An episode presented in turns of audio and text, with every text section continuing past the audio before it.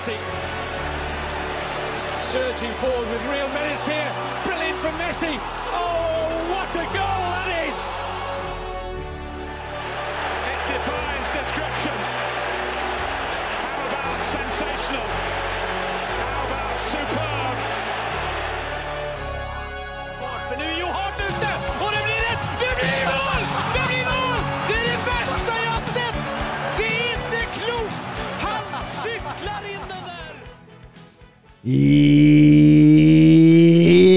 Ja da! Da var vi klar for episode 155 av den eh, særdeles eh, lettbeinte fotballpodkasten 90 minutter. Eh, nok en gang i studio sammen med mine to Det var vel støttekontakter. Støttekontakter, ja. Mats Granvold og Søren Døpker. Hallo, hallo. Hallo? Hei, hei. Hyggelig, hyggelig. Ehm, det, ja, vi, vi kan egentlig begynne først og fremst med eh, hvordan dere har det siden sist. Det kan vi gjøre, egentlig. Ja. Søren. Ja, jeg har det veldig fint, jeg. Mm? Eh, litt, altså, det er litt sånn dårlig vær i dag, sånn sett, men det er jo fint at det regner litt igjen. Det Ja, for dere. Oslo-folk, dere, dere har jo tømt brønnene langt oppe til ja, det er litt lavt vann nå. Altså, nå, nå, at det kommer litt regn nå, nå, nå står vi jubelen i taket i gryta der. Ja, altså det hjelper i hvert fall. Hjelper jo litt på den enorme skogbrannfaren og tørrheten som har vært. Så det er, jo, det er jo bare bra for naturen, tenker jeg, at det regner nå.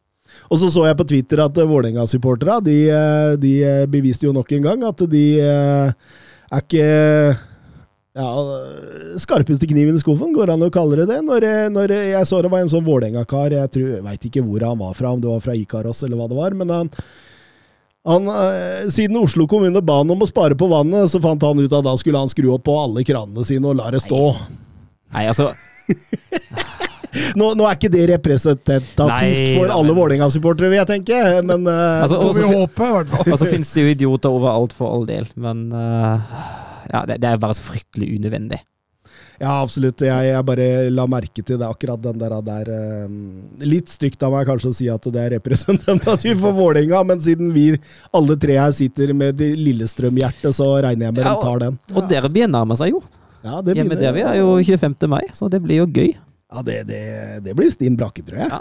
Det blir, Kanarifelt er allerede utsolgt, så Oi, oi, oi, oi, oi. Og Mats Granvold, du, du sparer på vannet, eller? Jeg har ikke billetter til derby, i. Nei, du har ikke det, nei? Nei, ikke nei. Ja, men det tror jeg du fortsatt kan skaffe deg. Spare på vannet, jeg. Har ikke drikket vann siden i 2009. Jeg, Nei, Bare smirre, bare smirre så ut og ryker. så jeg, ikke, jeg skal ikke ha noe på det på meg, i hvert fall. Nei, eh, og så satt jeg og så på eh, kampen deres mot Bossekopp her i, eh, i Nord-Norge, Var det Altahallen? Finnmarkshallen, ja. Finnmarkshallen, ja. ja. Eh, skulle se etter deg, da, vet du. Men, men, men du, du var ikke på trenerbenken der. Nei, det var hyggelig at du så 90 minutter med Gjelleråsen kun for å se meg. Det syns jeg var for artig. Men eh, nei, jeg måtte jobbe, dessverre. Jo, men noe som var like kult, faktisk, det var eh, jeg, jeg la merke til eh, til denne venstrekanten deres. Ja, på Gjelleråsen, Ja, nummer, nummer 29. Eh, 24. 24, var det Ja. kanskje 24, ja. Eh, var det Valid Chris han heter? Stemmer, stemmer. Han var herlig spilletype. Nydelig. Han, altså, altså, så, så, altså han du, du kjenner det spillere som bare liksom Hver gang ballen kommer til dem, så bare dropper skuldra, liksom. Det, det, det, de leker fotball, da. Ja, jeg, jeg satt, på, satt på den hjemmekampen mot Lørenskog eh, sammen med en fellesbetjent, Rune, og vi sa akkurat det samme. Vi sa at han var, han var ordentlig god, altså. Ja, Slepe en herlig teknikk, litt sånn kreativ, litt sånn leken, og, og, og han ble jo matchvinner òg, med et fantastisk skudd. Ja, ja. Så han er det bare å gi fast plass, Mats. Ja, nei, jeg håper han ikke hører på dette, for selvtillit har han egentlig fra før, så Nei, jeg er fin. Jeg er veldig, veldig fin gutt, så det Nei, han er bra. han. Ja, absolutt. Der er det mye Hvor gammel er han? 19. Ja, her må Lillestrøm kjenne sin bety... Nei, Lillestrøm, hold dere unna! men ellers er alt fint. Sola skinner Nei, sola skinner ikke. Det regner, men, eh, men Ja, det er vått. Jeg er veldig våt. Altså. Han kommer rett fra trening dit nå. Jeg burde ha skifta, faktisk. det er rett fra trening, ja. Ja. Mm. Nei, jeg var inne og fikk meg en matbit før jeg gikk ut hit, men eh, det, var vått. det var vått å være trener nå. Ja, nei, det, det kan jeg tenke meg. Jeg var glad vi hadde treningsfri i dag, faktisk. Det kan jeg tenke meg, faktisk. Men så skal vi på'n i morgen, og så har vi kamp eh, mot Fett eh, på torsdag, så vi får håpe værgudene hjelper oss med det. Åssen har det gått med dere? Nei, det har blitt eh, tre strake tap. men vi vi, vi, vi har jo meldt oss på en divisjon høyere enn der vi, vi tenkte. Og så har vi jo hatt mye spillere ute og sånt. Begynner å komme litt tilbake nå. Eh, Så trepoengere renner inn etter hvert? jeg regner med at vi vil få det nå etter hvert, i hvert fall. Nå eh, har vi fått på plass en ny midtbanestrateg òg, så da kan det bli Oi, en strateg? Ja, Oi, oi, oi. en strateg, faktisk. Litt sånn Leon Goretzka-type, eller? Ja, kanskje litt Leo Ja, ja. Goretzka. Eller Joshua Kimmich, jeg vet ikke. Eh, Nei, skal vi eh, Skal vi eh, bare Hoppe i det. hoppe i det? Balotelli, Aguero!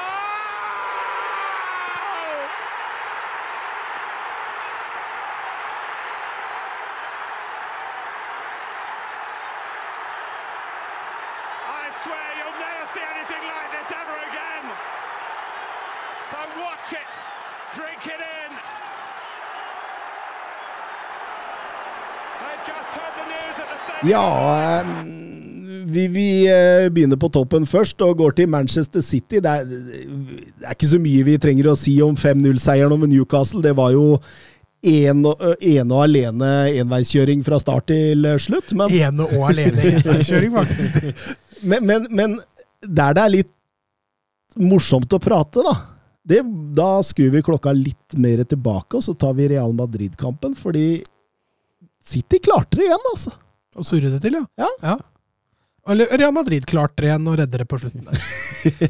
Ja, men altså, altså øh, Real Madrid kan vi ta etterpå, så tar vi City nå. Fordi det jeg tenkte på altså det, det vil jo seg aldri helt for Pep Guardiola i City og denne Champions League. Og, og Pep må jo fortsatt leve med dette, at han har bare vunnet Champions League med Lionel Messi i primetime. Så gikk jeg tilbake og så sjekka jeg på Pep Guardiola-exitene de siste elleve sesongene. Og du, du finner et mønster, skjønner du.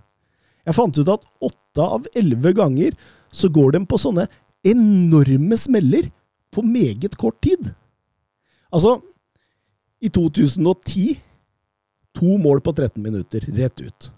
2014 tre mål på 18 minutter, rett ut. 2015 tre mål på 17 minutter, rett ut. 2017 to mål på 8 minutter, rett ut. 2018 tre mål på 19 minutter. 2019 to mål på 3 minutter. 2020 to mål på 8 minutter. Og da 2022 nå tre mål på 6 minutter, altså toppen av kransekaka.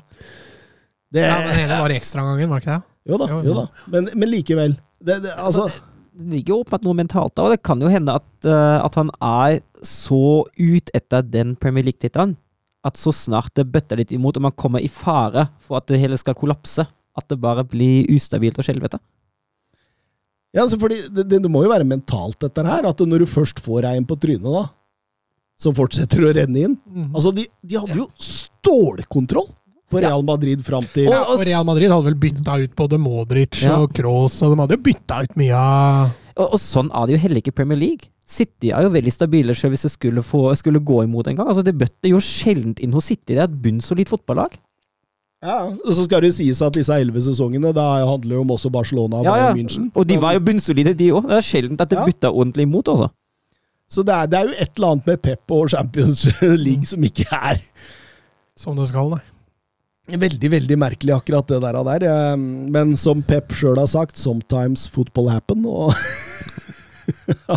han kan vel Ja, få det sitter Den der er nok bitter, altså. Du leder med to mål, og så passerer du 89 minutter, liksom. Det er, Altså, jeg skal jo innrømme da, da Mare satt inn 1-0 på Benabio, Jeg var skråsikker på at det var det. Det var det hele. Det var finalen til City.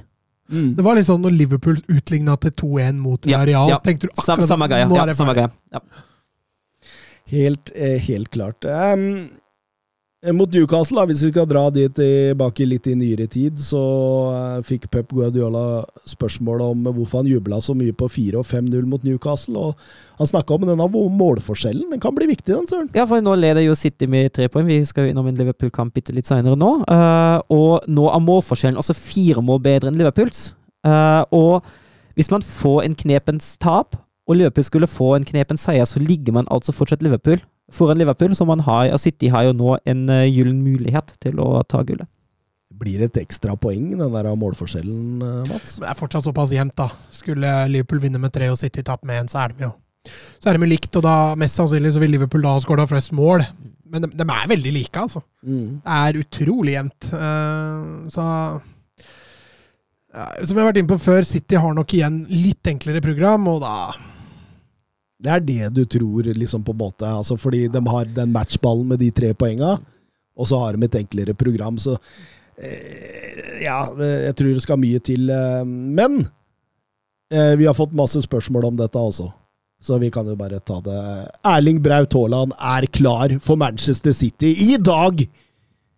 Eh, Ikke overraskende. Han vel, ble han ikke klar i går? Nei, ble klart offisielt kom klubben med bekreftelse i dag. Okay. Det var Romano som meldte det i går, da, kanskje? Ja, han var, han var fritatt Han var frisatt fra, fra å være i Dortmund for å uh, fikse sine personlige anliggender. Uh, så det var jo klart hvor han befant seg da i går. mm, mm, og det lekka en video også hvor han Mm. satt i en uh i en bil med Blue Moon-spillene over. seg. Men eh, Romano sa også noe spesielt i går. Han sa det at eh, det er ikke 750 millioner kroner, eller så, eller så 775 millioner euro som er klausulen. Han er betydelig lavere. Ja, 60 har jeg lest nå. Eh, og så er jo spørs det er jo litt sånn spørsmål når man regner om det er 60 til sammen, om det er de 60 som må nå, og så er resten eventuelt bonuser og premier. Men jeg veit jo ikke helt. Eh, vi kan jo bare stole på mediene og innsider som forteller det her, om det til slutt blir 60, eller om det blir 75. Men uansett hva det blir, det er en ekstremt god deal for Manchester City.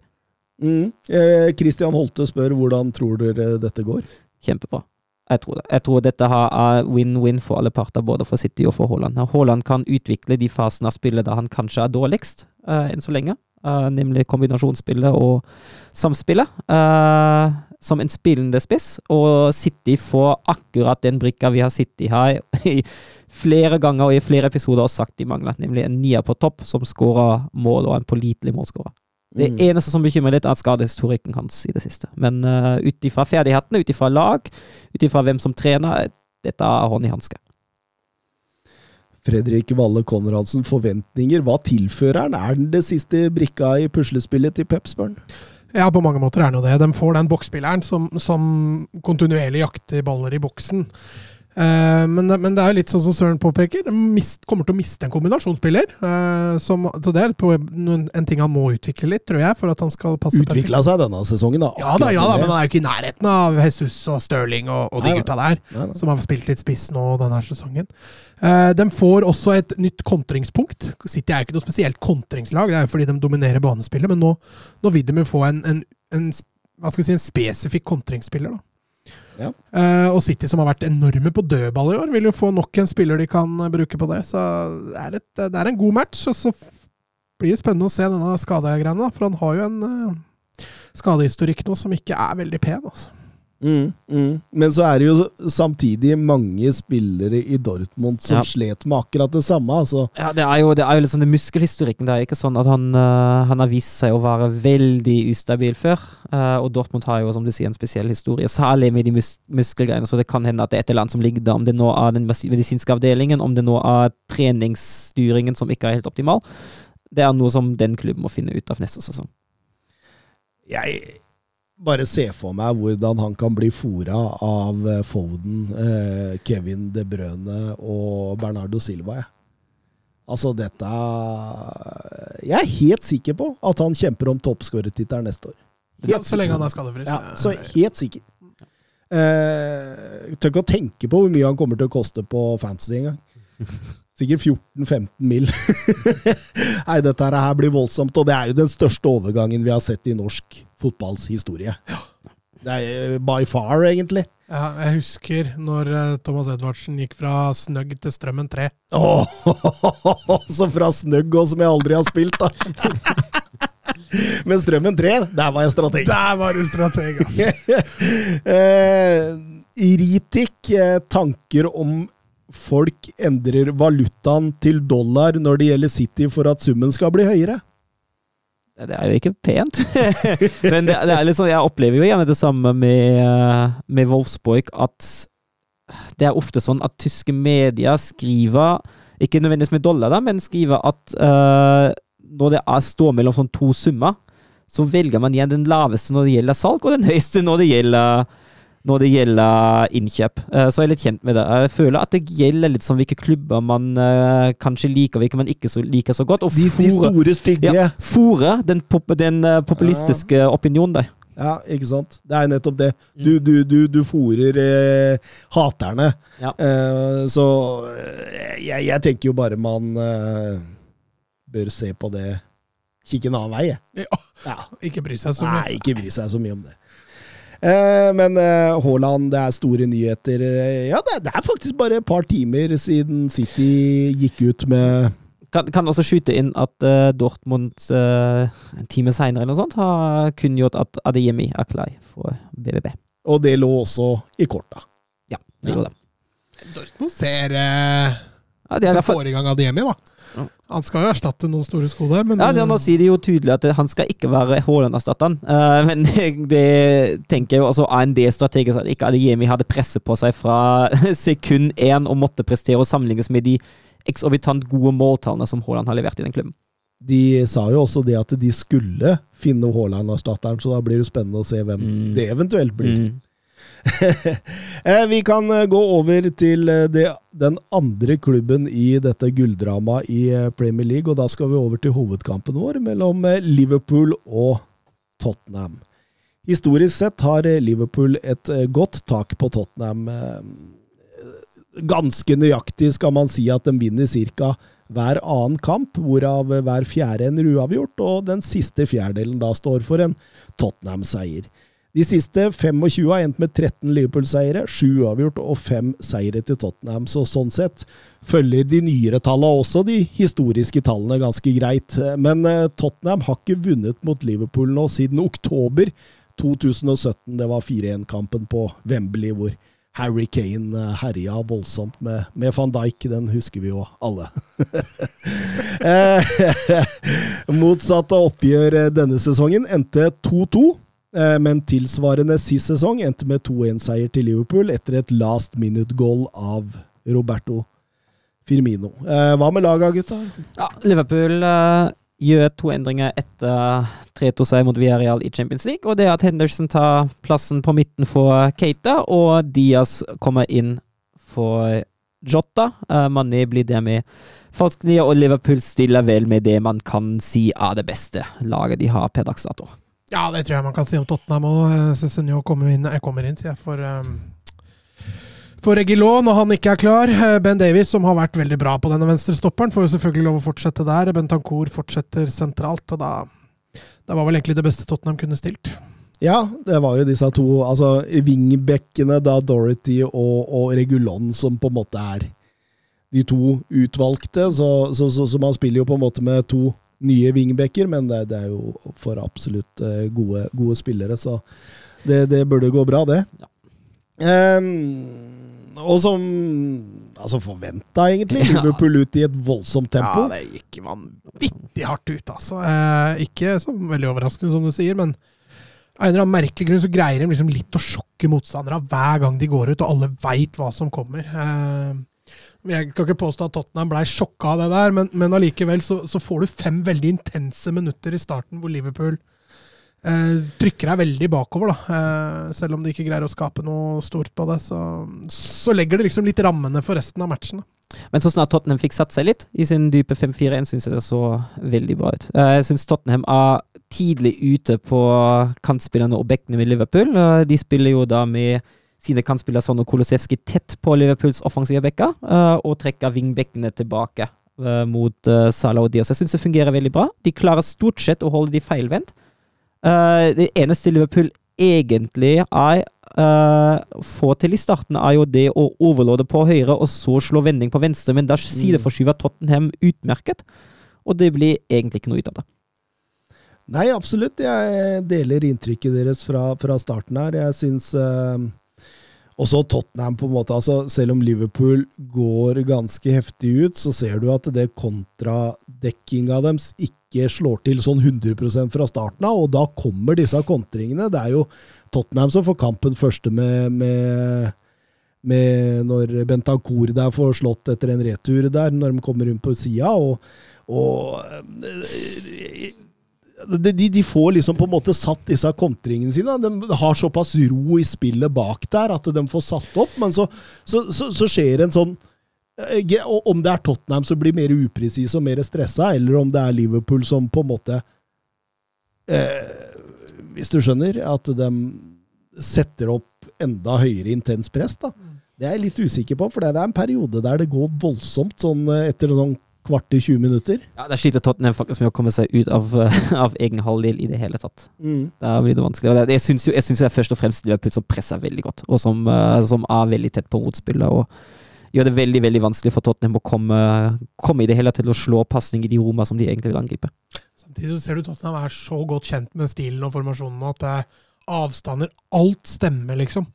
Og det er klart, for Liverpool å bryte gjennom noe sånt er ikke lett, altså. Det er ikke det. Og du ser også Tottenham får disse overgangene når de, de klarer å bruke bredden i, eh, i, opp, altså, i det de spiller inn der. Så du ser Fabinho ligger på Kane hele veien og hindrer den, så du må rundt på kantene. Og du ser at når de får til det, så kommer de overgangene Ja, Kulusevski blir jo etter hvert veldig vital i kontringene, spesielt i første omgang. da. mm, Absolutt. Men, men det er jo ikke så voldsomt mange sjanser. Nei, jeg synes jo altså det Tottenham, eh, Tottenham er ekstremt tett på Liverpool-spillerne. De- ligger nok eh, riktignok lave, men i siste tredjedel er de ekstremt aggressive presser på ballen. Og i presset på ballfører, og så har de en enorm kontroll uh, på egen boks. Og det er først og fremst jeg har lyst til å trekke fram uh, Eric Dyer der. Han er jo han, jeg, jeg tror jeg vinner nesten alt av dueller der inne. Så Liverpool uh, kommer seg ikke inn i boks. Liverpool taper, taper duellene rundt boksen, og da blir det vanskelig å skape sjanser. Ja, helt klart. Altså, du kan si Virgil van Dijks heading i tverra etter corner er vel det nærmeste Liverpool kommer uh, i første omgang der. Ja, han, har jo, han har jo en heading til som han hedda altså, Den hedda han langt utafor etter halvspilt omgang, da, og den var egentlig en ganske Ja, dårlig også, heading, for det var egentlig en, eh, en Mm. brukbar mulighet. Mm. En dårlig avslutning. Ja. Men, men, men jeg tror når vi går til pause der, så er jo Så føler jo Tottenham at dette har gått uh, bra. Pierre Emil Høibjerg har en i stolpen der rett før pause. Ja. Mm. Eh, nok en gang etter en kontring der. og eh, det, det er åpenbart at denne matchplanen, da, når de kommer inn her, så ser de at vet du hva, dette her har fungert. altså Dette kan faktisk eh, holde. Mens Liverpool ser litt sånn frustrert ut. Litt sånn Ja, forbanna. men det går litt på, som jeg sier, altså den defensive organiseringa til Tottenham den, den er ganske forbilledlig i den matchen. her. Altså. Eh, det er sjelden Liverpool skaper så lite på Anfield, eh, på tross motstander, uav, uavhengig motstander. Og det går mye på, på eh, avstandene Tottenham har, både ned til egen keeper, fra egen forsvarsrekke opp til midten. Alt stemmer, sideforskyvning, alt er klasse, rett og slett. Og Liverpool sliter med å bryte gjennom med tempo og bredde. Mm, mm. Og når man har gått i pause og kommer ut igjen der da, så, så, så, så setter de jo et voldsomt trykk igjen. Det er akkurat som Anfield bare løfter dem Mm. ut av, av startblokken. Det er voldsomt intensitet, både ute på matta, men ikke minst på tribunen der. Det må jo ha vært voldsomt. Eh, og eh, det, det, det, du ser en Michael Oliver og en dommer som lar mye gå. Det er litt Eh, deilig òg, det er ikke det? Jo, så, Du veit litt, vet litt hvor du har. Samtidig så, så sitter man jo og teller de frisparka eh, Fabinho pådrar seg i kontringsfasen. Ja, og, og, og, og det tenker jeg også, det handler, det handler jo egentlig ikke så mye om lista, for hvis du ødelegger en brukbar overgangsmulighet for en motspiller, så skal du få et gullkort. Mm. Det handler, det, er, det er jo helt enig. Når jeg Ja. snakker om lista nå, så har det jo ikke noe med ja. å gjøre. ikke sant? og det, det er litt sånn Casemiro som vi så i eh, semifinalen mot Manchester City, at han går uten, eh, uten gullkort Ja, av den altså- fotballen. Det var helt sinnssykt.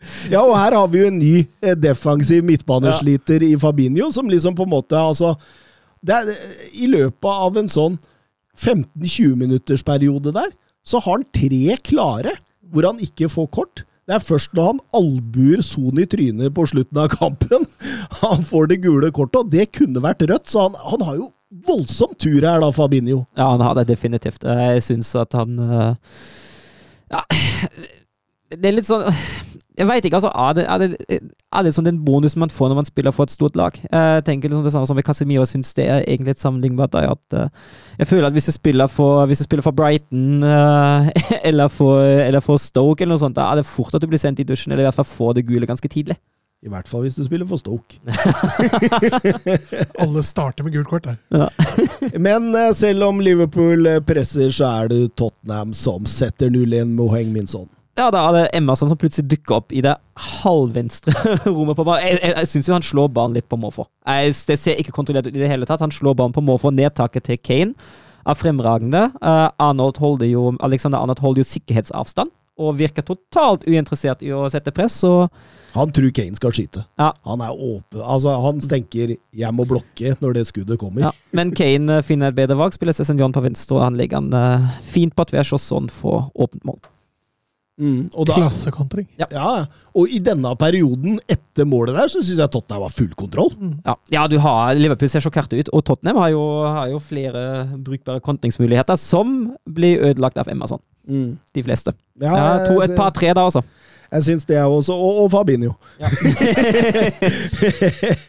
Men eh, Tottenham gode. Jeg syns Liverpool ser litt så stressa ut, og da, da, da, da kjører jo Jørgen Klopp det trekket sitt da, med å, å skyve over til en 4-2-4. Mm. Sette inn en ny midtspiss og få to midtspisser der. Nå var det ikke Divo Korigi, men Diogo Yota som kom inn. og... eh, og det, det, det er jo klart, det. Altså, det er jo en, altså, de gjorde det med Everton, og de gjorde det med en suksess. Men å gjøre det med Tottenham og det kontringsspillet der, Det er det er enda større Den risiko. Altså. Den, det er risiko, så syns jeg, etter at de får en to midtspisser altså Det eneste de nesten gjør, er jo å slå innlegg etter innlegg etter innlegg mot Davies, Dyer og Romero. Ja, det, Eh, det, jeg syns ikke det var en særlig god kamp blant de der, altså. Nei, men de sliter med å finne ut av det. De, de blir litt stressa. De er, du ser dem er litt stressa i øyet. Altså, veldig sjelden man ser Liverpool på den måten der. Altså. Ja, men også når Tottenham er så trang i midten. da, Jeg tenker at Skal du spille deg gjennom midten, så krever det noe helt spesielt. Altså En Mm. Sala ute av form eh, får det ikke til. Og eh, da må du rundt på kant, da. Mm, Og når du da kanskje burde kanskje hatt en Divo Korigi, da, som er litt mer power i boks, da. mm, absolutt. Eh, men likevel så sitter det 1-1 etter 73 minutter, og det er Luis Diaz. Og han kommer litt tilfeldig, kanskje. Ja, Han var frustrert på Sala tidligere i matchen. Ja, Burde fått et par der. eh, Burde det, i burde det. matchen. Ja, men det kommer jo litt tilfeldig. Han eh, skyter jo fra langt hold, og så går han vel via, via Bentancur, er det vel, Eh, og setter Loris ut av spill. Ja, Skulle ikke blokka den. vet du.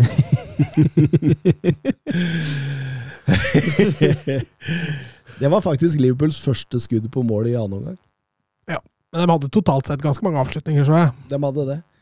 Så kommer denne situasjonen, da, som er heftig diskutert, og som Petter Støvland også ønsker at vi skal snakke om. Eh, gjelder ikke de samme reglene for Fabinho som de andre 21 på spillere på banen? Og da tenker han jo da på disse overgangene som kulminerte i den etter 76 minutter, hvor han albuer Son i ansiktet for å få stoppa han der.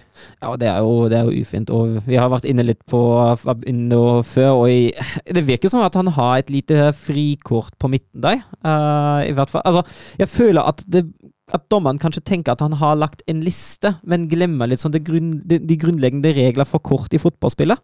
Eh, og da er jo Fabinho kanskje den fremste til å utnytte det med tanke på posisjonen sin. Med tanke på hva slags spillestil Tottenham har i den fotballkampen der. Eh, men at han eh, kommer veldig veldig billig unna i den kampen her, det er jeg helt enig i.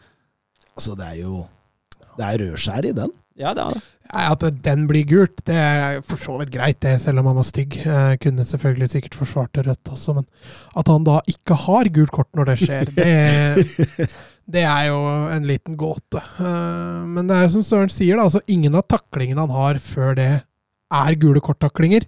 Men det er jo kynismen Mm. i når i Det er jo å stoppe kontringer, ja. ja, ja. det, er, det er jo det han burde ha fått for. Og totalt sett da, så skulle han jo vært utvist.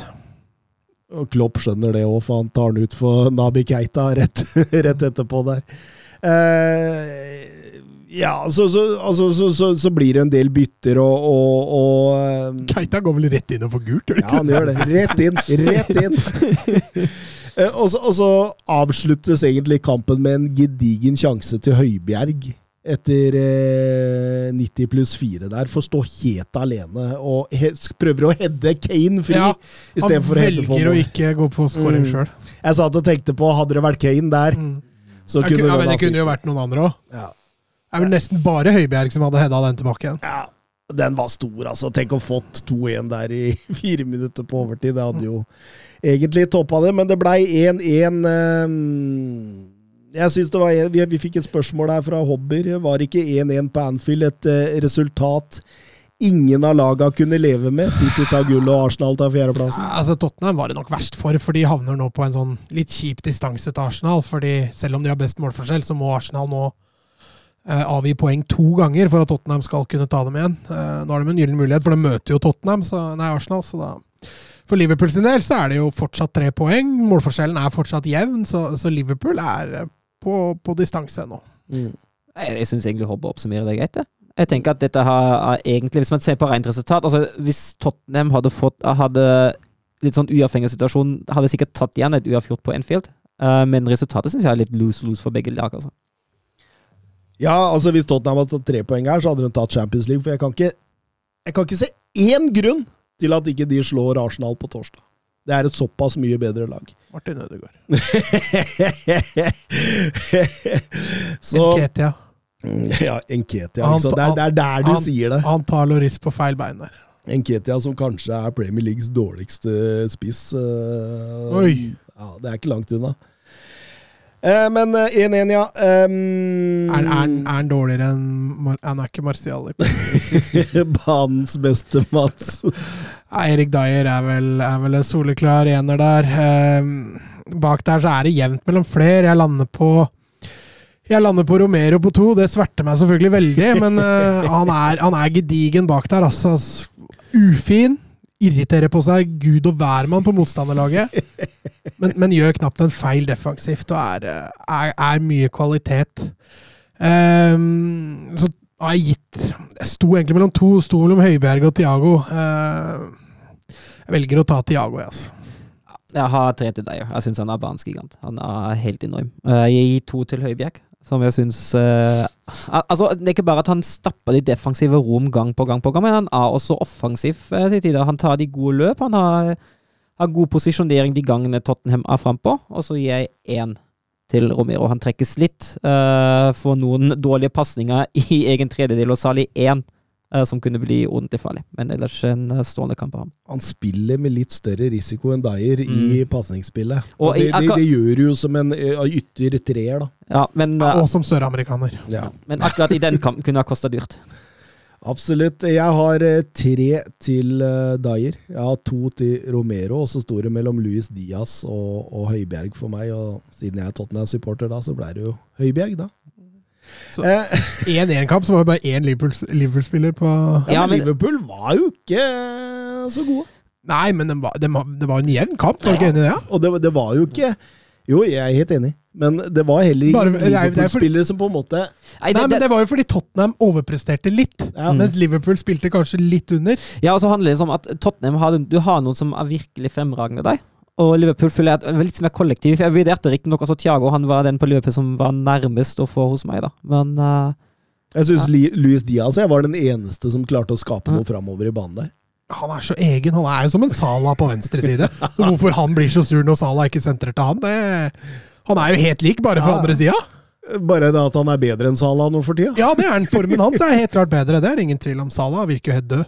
Resultattipset det trenger vi ikke å snakke om. jo, jo, det skal vi, nå kan vi gjennom, Thomas. Søren får to poeng for å tippe 1-1, mens eh, jeg dro på en eh, 0-2 til Tottenham og får null poeng, mens Mats trodde Liverpool vant, og de gjorde det mer. Ja, jeg tipper jo til slutt, så jeg tipper jo bare motsatt av dere. Det har lønt Jeg, jeg, seg, ikke, jeg, ikke- jeg tar ikke på feelingen lenger. Jeg. det. Har lønt seg, det. um, skal vi se, skal vi se, skal vi se Tottenham er det første laget som hindrer Liverpool seier i Premier League siden Brighton gjorde det i oktober 2021. Det er en rekke på tolv med seire på rad for Liverpool i Premier League på Anfield, så det sier jo, sier jo egentlig det aller, aller meste. Um, Klopp var umiddelbart veldig kritisk til hvordan Tottenham spilte. Jeg liker ikke denne type fotball, sa han etter kampen. Ja, hva, hva vil han ha, da? At alle lag spiller akkurat sånn det passer Liverpools uh, kjappe angrepsspill best, eller? Altså, Jesus Christ, maken til sutringer. Hver gang noe går ham imot, så blir det til deg. Ja, og, og, og, det, og, jeg så et intervju med nå når det hadde gått et par dager, og der bekrefta han vel det du sier nå, at eh, det, det, det er sånt jeg sier etter. jeg har full respekt for Antonio Conto og hvordan han organiserer lag, sa han. Så det Eh, Men det er klart det at eh, Conte kan ha kommet litt under huden på Klopp, fordi Klopp har bare vunnet én av seks Premier League-møter mot Conte. Ja, det er jo, det er jo den spillestilen som Klopp-lag akkurat ikke liker. Det er jo akkurat det som uh, Jørgen Klopps lag sliter mest mot. Den uh, godt organiserte defensive stilen som tar gode og kjappe overganger. Mm. Mm. Oskar Caverjo-Holm, hvor mange titler tar Liverpool denne sesongen? De vinner etter min mening FA-cupen og Champions League-finalen. Jeg anser som favoritter i begge kamper, så to. Ja, blir tre, da, siden de har vunnet. Ja, sant de har vunnet ligacupen. Da blir det tre. Det må være en Ja. god. Jeg tror også de tar FA-cupen, for Chelsea ser jo ordentlig ferdig ut. Men eh, Champions League det er Benzema kommer i Ja. det 93 minutt. Så, så det der på Twitter. Liverpool leder 7-0 til Det er 90, og, og, Real Madrid vinner 8-7. Ja, altså, vi kommer jo sikkert til å snakke om det når vi kommer til Real Madrid, men jeg får ordentlig sånne Chelsea 2012-vibes over det Real Madrid- Real Madrid lager Champions League nå også. Det, det er ganske vilt, den rekka de har satt opp i Champions League nå. Altså. Ja, og så ser du veien Liverpool har hatt i finalen, og så ser du veien Real Madrid har hatt i finalen. Det er mye mer eh, Selv om Real Madrid selvfølgelig har hatt voldsom flyt eh, i totalt ti minutter i hver kamp, så ja. Vi kommer tilbake til det. Vi går over til brua Chelsea mot Wolverhampton. nå. Det gikk store rykter i forrige uke om at Roman Abramovic hadde ytra ønske om å få tilbakebetalt dette lånet sitt. Det hadde jo vært fare for Chelseas eksistens. Ikke bare fare, vel. Nei, det, det- altså, det hadde ryket. Ja, det hadde ryket. Heldigvis da, så kunne de avkrefte dette her. Abramovic ønsker Chelsea bare godt og har ikke krevd noe som helst. Og et eierskifte er på trappene i disse tider, så Det var noen amerikanere på tribunen her, jeg. Ja, eh, godeste Tom Bowley, som vi snakka om i, i forrige uke, ser ut til å, å få kontrollen over dette, og da, da kan Chelsea se framover, søren. Ja, og det, det har jo hengt litt over dem nå, så kan de også håpe at noen sanksjoner mot dem da blir oppheva. Det blir litt, nok litt lettere for både spillere og supportere. Ja, de har, de har levd i en usikkerhet nå, og jeg tror også det har prega dem litt. Det, det, det, det tror jeg helt klart. Altså, du ser jo at det, det er ikke det solide Chelsea vi har sett den siste tida. Så, så, så veldig spennende å se der nå. Det så du etter 2-0 til eh, Chelsea. Altså, Makan til å slippe laget inn i denne matchen. Mm. Ja, dem, dem, De åpna jo alle sluser, omtrent. Absolutt. Eh, Trincao der som bare leker seg til 2-1 der. Og, Han burde jo satt 2-2 rett etterpå. mm. og så kommer Conor Cody godt på overtida og, 90 pluss 7. og, og stanger inn 2-2. Men Lukaku, ja. Ja, to Han lever, han lever allikevel. Han lever, og han presterer. Eh, Straffa var ikke den litt billig? Syns det var rart var eh, Nei, jeg syns det er greit. Altså, Seis Jo, men, jo, jo, men ikke at, den klareste jeg har sett. at VAR går inn på den, tenkte jeg bare. Ja, men altså, hvis du ser Seis stemp, er, det, er det på baksiden av, eh, av låra at Seis river Eller Ja, men Seis går i bakken, og så bare stiver han av beinet sitt. Og Lukaku faller over det. Ja, men det er, det er jo greit. Han hindrer jo Lukaku i å komme framover. Jeg syns det er, jeg Ja, synes hadde, det er en- ja, men jeg er enig i det at hvis dommeren hadde tatt den med en gang, det er greit. Ja. Men at den går til VAR, Ja, som clear and obvious. ja, som som and obvious. Ja, Mm. kanskje. den, er, den er litt spesiell, jeg er enig i det. Litt spesiell. ja. Men uh, artig for Lukaku, da. For hyggelig med han, altså. Vi unner han det. Vi, Vi det. vi meldte jo han toppskårer i Premier League og ikke make på før sesongen, så Men nå er han faktisk Chelseas toppskårer i alle turneringer. Med 14 mål! Nei, ehm, det er ikke så mye annet å si. Jeg, jeg tror ikke Chelsea snubler her. Nei, Chelsea kommer til å Kommer til å trygge inn Champions League. Chelsea snubler. Det går bra? Ja. Eh, vi trodde jo ikke de skulle snuble mot Wolfs heller, da. Nei, men det er jo fortsatt godt avstand nedover. Altså, jeg kan ikke se for meg at Chelsea kaster bort Champions League-plassen. Det, det er fem poeng ned til Tottenham. Ja, De må ryke voldsomt. ja og så og så møter to spilles Tottenham og Arsenal begge Ja, to. la oss si Arsenal vinner den, da. Ja, Og så går Chelsea på en stjernesmell mot Watford. Ja, Leicester hjemme, Leicester, da. ja. ja også, men så har de Watford etterpå, da. Har de ikke? Jo, og da vinner både Chelsea og Arsenal. Og så siste match da. Ja, men Arsenal har ikke så mye å si. Altså, om de kommer på tredje eller fjerde, har ikke så mye å si, da. Det har ikke om Chelsea har tre kamper igjen? Eller er det bare to kamper igjen? Det Det er tre kamper igjen. Altså, de, både Arsenal og Tottenham må jo forbi for at de mister Champions League. Så Champions League kommer Jo, de Chelsea er borte mot Leeds. Åh, der går hun på en stygg smell! Men skal både Tottenham og Arsenal gå forbi, da? Er det det du sier? Ja, ja, ja. Nei, det kommer ikke til å skje. Vil, vil, vil du vinne en øl? Ja, men, hei, ja, men ok, men hvis jeg da skal betale deg en øl, Ja? da må du betale meg ti. For oddsene her er så la, uh, høy. Jeg kan, jeg kan være med på fem, ja. Nei, det gidder jeg ikke. Det er ikke Jeg, jeg, liker, da, jeg drikker ikke øl dumt å vente ti øl.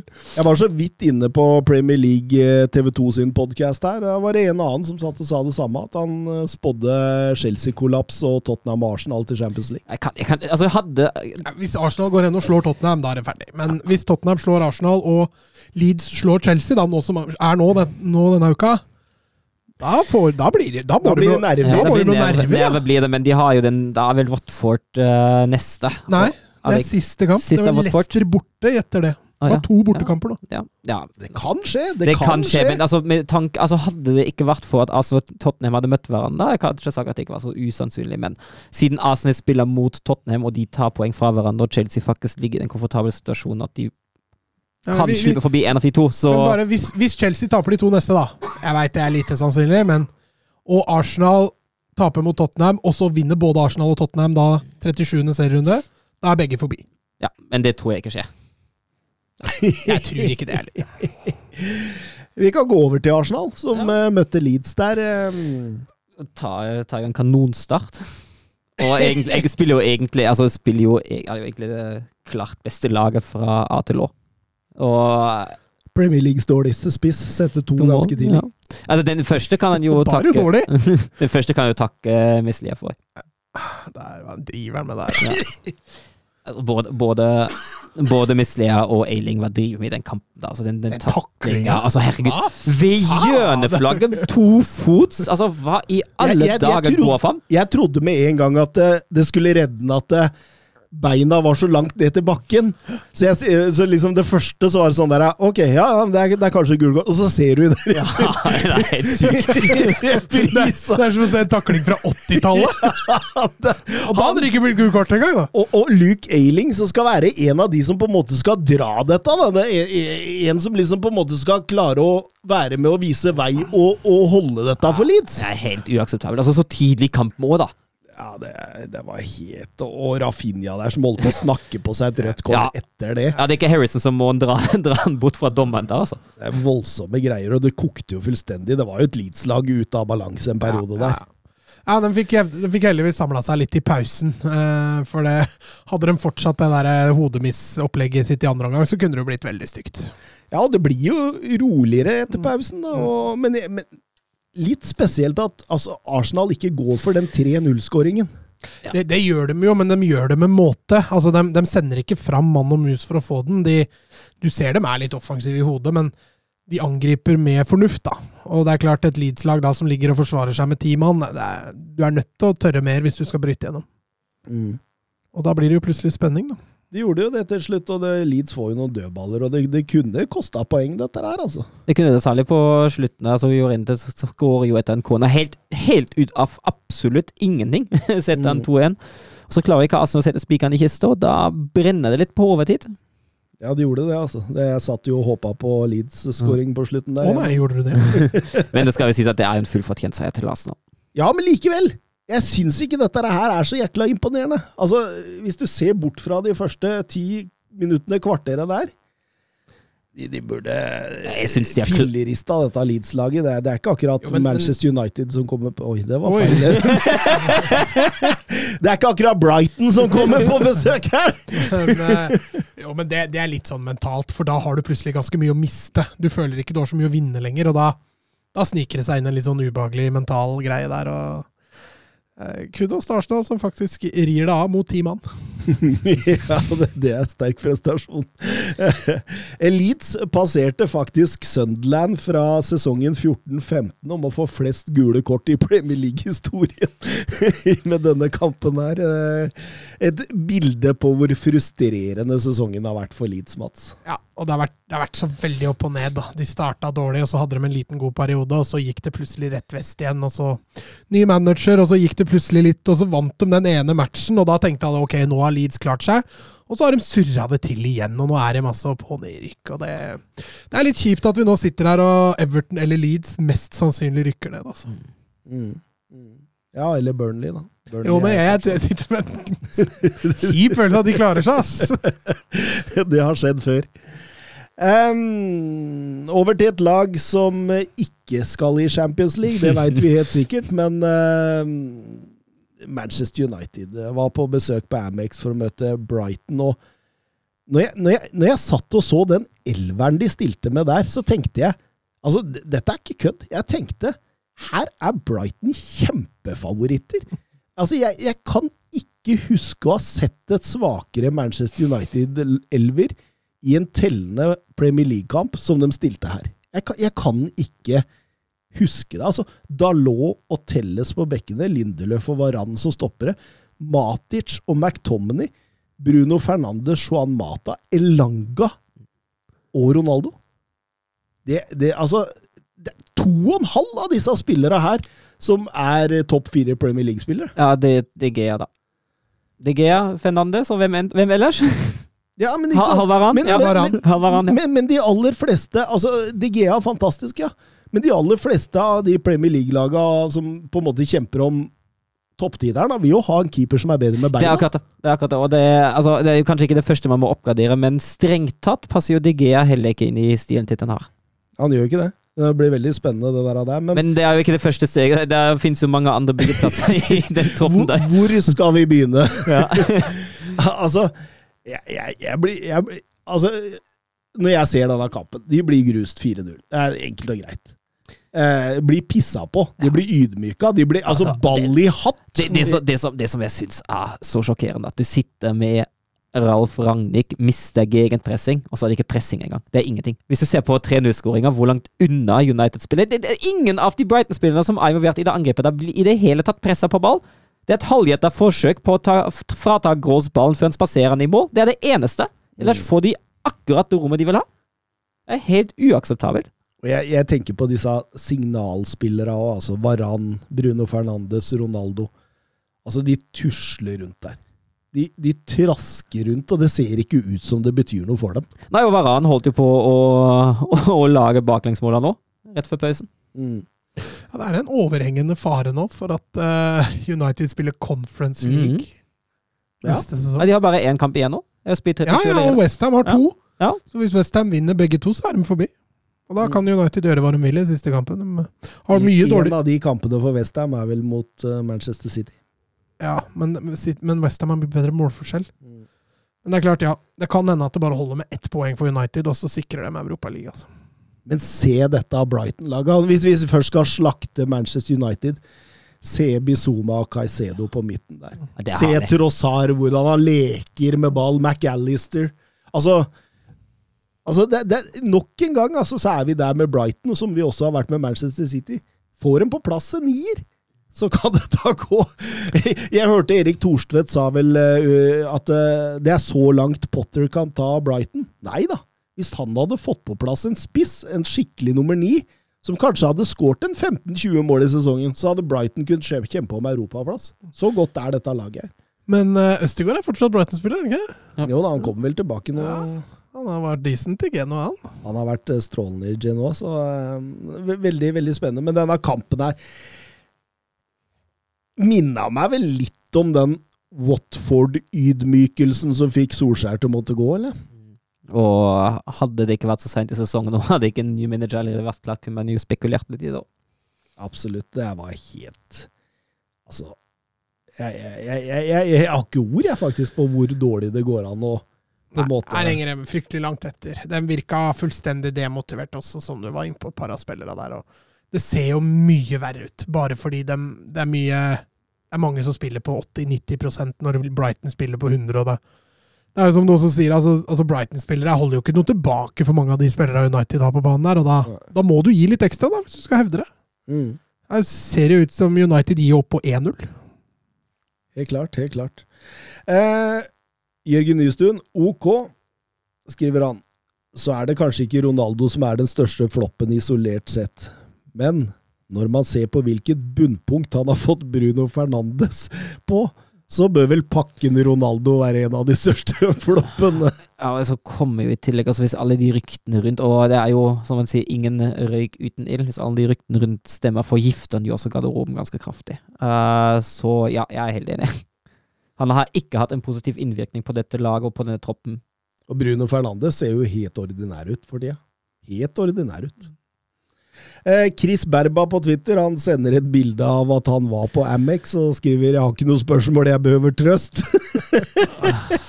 Ja. Fryktelig kjipt å dra på fotballtur til favorittlaget sitt og se det deg. Det Jeg veit han har gleda seg voldsomt til at koronaen slapp og at han skulle dra over. Hva, skal vi, hva skal vi si for å trøste der, da? det, det, At? Det kommer bedre det, var, tider. det, Når var, det var bunnpunktet. Det kan umulig bli enda verre. Stå på, dette kommer til å ordne seg. Men Jeg, Kan jeg du, vedre jo vedder, du, vedder du en pils på det? At dette ikke kan bli verre? Nei. Ja, men jeg regner jo med, i hvert fall. Det, det kommer nye tider. Altså, Man må jo bytte ut halve Men troppen, nå har det snart gått ti år siden Ferguson. Man har jo ikke vært i nærheten. Nei. Men det har egentlig bare blitt verre og verre. Det har jo det. Det var en liten oppsving under Solskjær. De hadde vel også en liten oppsving under Mourinho. Men nå skulle vi trøste Berba, da. Ja, ikke få den lenger ned her! Det er derfor jeg spurte hva, hva skal vi si Men, altså- for å trøste her. Men altså, det Erik Den Haag kan jo være en trøst. At han Ja, men- ja, men, har altså, når Ralf Ragnhild ikke får til Ja, men da tenker jeg at han har jo skal Ten Han må Hag bytte ut Han har overgangs, han har et overgangsvindu der. Ja, det. er jo det som kan bli trøsten her, da. Må kvitte seg med Ronaldo, må kvitte seg med Pogba, må kvitte seg med Matic, må kvitte seg med hele jækla ja, altså, Kanskje ku... Ja. Skal ikke vite Det sitter igjen med fire mål. Ja, men Ja, altså, men det er- det er jo nesten, nesten nesten for sånn. den, den, den troppen må ut, altså. Altså, du kan, du kan beholde Sancho, du kan beholde Bruno Fernandes, for han blir sikkert god igjen når eh, Mason når, eh, Greenwood er sikkert tilbake igjen etter sommeren. Dette håper jeg ikke for Manchester United sin del. Men uh, man kan beholde Rashford og prøve å få han tilbake igjen på godt gammelt slag. Varan. Varan må Og, de, man og, de, beholde. og De Gea. Og De Gea, ja.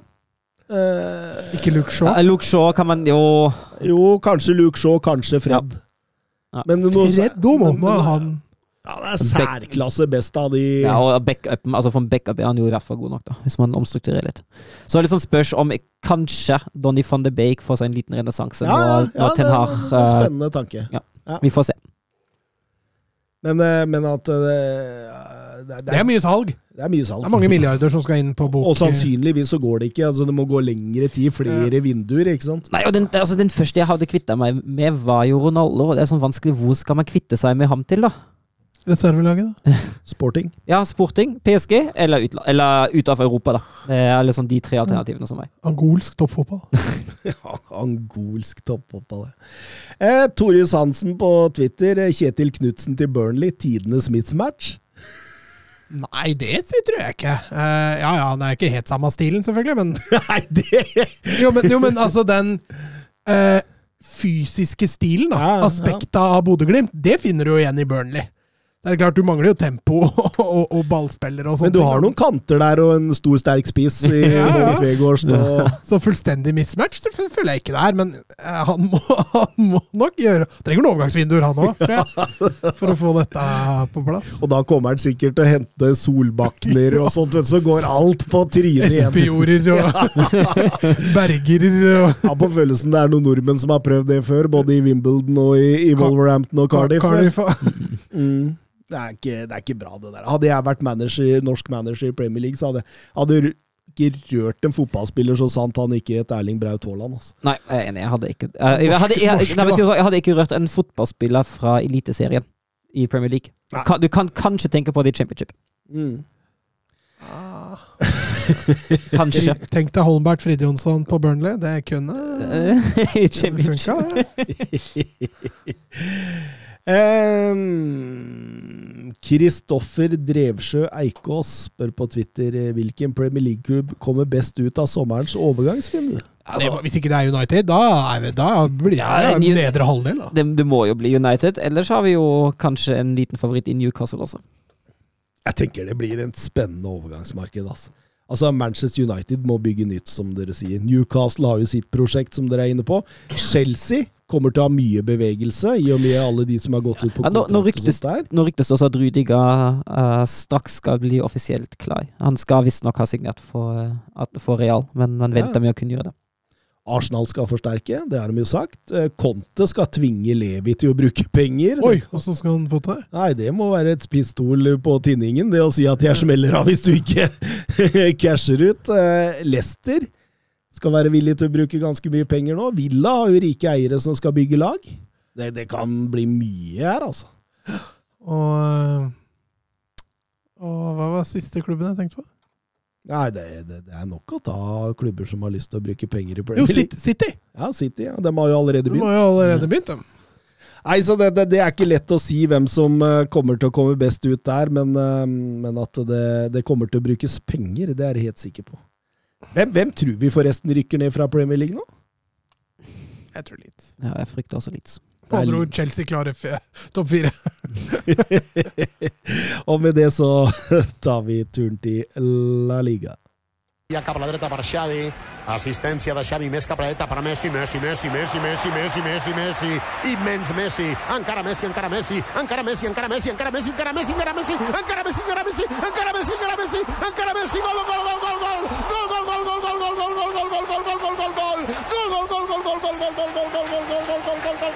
gol, gol, gol, gol, Ja, og der begynner vi med Ja, det var jo et Madrid-derby, Mats. Ja, vi begynner der, ja. Vi må jo begynne der, siden vi begynner alltid med topplaget Real Madrid, så Å ja, du går tabell nå, ja. vi gjør jo det. Eh, ja, det var helt riktig. Det var et Real Madrid-lag som eh, rett og slett sparte spillere. Kanskje litt overraskende nok når, eh, når de møter eh, byrival Atletico. Eh. Så jævla dust! Ja, jeg syns det var litt Så rart. ekstremt idiotisk. Altså i forhold til rivaleriet, i forhold til alt. Jeg, jeg blir fly forbanna på det der. der altså. Ja, jeg, jeg, jeg tenkte på Hadde jeg vært Real Madrid-supporter, så hadde jeg jo jeg hadde blitt lynings. Altså, Ja. du behandler rivalene dine på den måten, liksom. ja, og så handler det jo om at altså, det er jo ikke akkurat sånn at den Champions League-finalen er rett rundt hjørnet heller. Nei, det er jo nettopp det som er poenget. Ja. Det er 20 dager til når Ja. denne kampen spilles. Du har tre kamper til. Ja, og så Og er, kunne- og så er Levante på Bernabeu neste igjen, på en måte. altså, altså- der kan du jo da heller At du, at du hviler noen spillere som kanskje er litt slitne etter å ha gått 120 minutter, greit nok, men altså, så, sånne ting som Lunin for, eh, Lunin for Courtois er jo helt, eh, helt på trynet. Og det, det, det, det, liksom eh, Dette bare topper seg av alle ting jeg irriterer meg over over Real Madrid. da. Jeg begynner å bli så lei Real Madrid, kjenner jeg. Hvorfor det? Nei, altså, jeg er lei all flaksen de har hatt i Champions League. Jeg er lei at Barcelona og de andre har gitt dem tittelen omtrent uten at du bør svette for det. ikke sant? Jeg er lei Benzema som scorer i siste minutt, og Courtois som er så jævlig god at halve fotballverden hadde ikke har forstått at de ikke hadde oppnådd noe som helst, hadde det ikke vært for han svære belgieren baki der. Jeg er lei Real Madrid-supportere som tror de er så mye bedre enn det de er. Jeg er lei Real Madrid på 21 minutter-podkasten som aldri er kritisk til egne lag og spillere i det hele tatt. Jeg er lei Angelotti, jeg er lei Militao, som de tror er verdens beste stoppere, og som gjør feil på feil på feil. Jeg er lei at de henta Kamavinga, som var min gullgutt i league Ø, og nå sikler de også på Chouameni. Jeg er lei at de sparte spillere 20 dager før Champions League-oppgjøret, i en kamp hvor de er Altså, de, kan sende rivalen sin ut av Champions League! Og så er de så idioter! Jeg, jeg, jeg har ikke ord på det! Og nå misser de Haaland. Jeg håper de misser Mbappe, at de står der da, med Benzema på 44 og to unge brasilianere som har vært overhypa i så mange år. Og, og, og som egentlig har vært ganske gode i den siste tida, har vist litt stabilitet, men som er på syltynn vei tilbake igjen. Er så lei. Er så lei. Fin rant. Ja. Jeg likte det. Jeg likte det. Det er særlig godt i Barcelona-hjertet ditt. jo, men Vi høres ut som du hater Real Madrid mer enn meg, faktisk. Ja, men jeg har fått nok. Jeg har fått nok av det. Og når jeg da gleder meg til å se Atletico Madrid mot Real Madrid, så får jeg nada, liksom, tilbake igjen. Jeg får ingenting. Jeg får her, vær så god, her har dere seieren. Carasco, sett det straffesparket vårt. Jørgen Hattemaker over hele linja, vi driter i det. Nei, Jeg blir provosert, altså. Jeg blir skikkelig, skikkelig provosert på Real Madrids vegne. Ja, og det, det er jo altså Og, det, og, og når du ut Casemiro, så står de der og gliser. Ja, ja. Mm. På 0-1! det, det går På ikke. Det går 0-1! ikke. Det går ikke, altså. Altså, altså er det jo nest, altså. Igjen, vi var jo inne på det med Bayern. Jeg syns det Bayern gjorde er enda verre, for da nektet de å møte opp. Her kan man argumentere med at Real Madrid gjør dette her for egen fordel, eh, og det er ikke fullt så ille, syns jeg. Eh, men jeg er helt enig i at det er fullstendig idiotisk. Eh, og jeg tenker jo at her har du en motstander som har fortsatt har noe å spille for. Hadde vært mot Rajo Vallecano, som ikke har noe som helst å spille for, hadde vært noe annet. da. Jo, men Ja. Hadde det vært mot Rajo Vallecano, så er det en sva, antall svakere motstander, og det er ikke det samme rivaleriet. Det er jo tidenes fuck you til Real Betis. Ja, det er det. Definitivt. Så jeg, jeg, jeg blir irritert, faktisk. Og det De må gå i seg sjøl, ass. Jeg håper de tar Altså, jeg ikke glad i Liverpool, ass, men jeg håper de taper den Champions League-finalen så det synger etter! Så mye òg. Ja, faktisk. Jeg skal stå på Karl Johan i Liverpool-drakt! Nei, det skal jeg ikke. Henger en på veggen. Bare forsyne to, faktisk. Bare forsyne seg. Men det måtte jo gå som det går, da! Carasco setter 1-0. Ja, det fullt- det fullt- Atletico Madrid får Champions League. og det er fullt fortjent òg. Jeg syns Real Madrid bytter seg jo litt sterkere utover, da, får inn på et par av disse løperne, men eh, og, Oblak må jo i, i aksjon litt på slutten der. Det blir jo litt tett, men, Men men da bør, da bør jo Atletico kanskje allerede ha ledet 2-0. ja, det er kanskje tre òg. Ja. Den eh, kjempemissen som Det er vel Carasco som kommer aleine med Mm. keeper. Det er jo helt utrolig at han ikke skårer. Grismann nå har vel et vanvittig skuddforsøk som stryker tverrleggeren her. og Det blei jo ikke en voldsomt sjansefull kamp. og det virker, altså Litt av piffen gikk ut av kampen da, fordi Real Madrid stilte så svakt som de gjorde. Det virka til og med Publikum prøvde jo godt de kunne i første gang, men utover i matchen så dabba det veldig av der òg. Men uh, artig for Atletico, lenge siden de har slått Real Madrid. Uh, akkurat nå tror jeg de driter i at det var et B-prega Real Madrid-lag de slo. Uh, for da er de jo nå langt på vei sikra Sikra denne viktige fjerdeplassen. Sa jeg at jeg var lei Real Madrid på 21 minutter på podcasten, så er jeg ikke det. altså. De, de, de, de er veldig flinke. Så, Men de er ikke kritiske til egne Det spillere. kunne kanskje vært litt mer, men, men, men de, de er veldig flinke og har veldig god kontroll. Altså, og bra taktisk er de også. De, de skal ha den. Jeg, jeg blei bare litt ivrig her. ja, men det er greit. Um, Barcelona vant 2-1 borte mot Betis, eh, som i og for seg er et uh, sterkt resultat, det. Men eh, det, det var en jevn match. Ja da, lenge en jevn match. Eh, Barcelona fortsetter å eh, Ville prøve noe nytt og spille uten spiss igjen. Kjørte Ferran Torres som en falsk, eh, falsk nier med, med Depay og Dembélé på kantene. Fungerte så som så. Eh, Betis har jo vært strålende denne sesongen og forsvarer seg nær godt. Viser at de er et godt organisert fotballag. Eh, Bartra og Pesella bak der er eh, De har funnet tonen også, så det blei nok en kamp akkurat slik Basha Barca forventa, og som jeg forventa, egentlig. Tett og Mm. Mm. Det var ikke voldsomt mange målsjanser. Nei, eh, Dembélé og, og Ferran Torres brenner vel et par i starten, som er ganske store, men eh, Og Bravo må jo tidlig ut der. Men, og, og, og, og, Silva som kommer inn, er litt shaky. Han gjør noen generaltabber der, men, eh, Men, men det er jo den siste halvtimen dette begynner virkelig å ta seg opp og bli den kampen man på en måte ønska å sitte og se på, da. Ja, Ansu Fati på vei tilbake igjen, fortsetter fremdriften og kommer inn igjen nå. Eh, du, ser, du ser det skjer noe overfor ballen. Mm.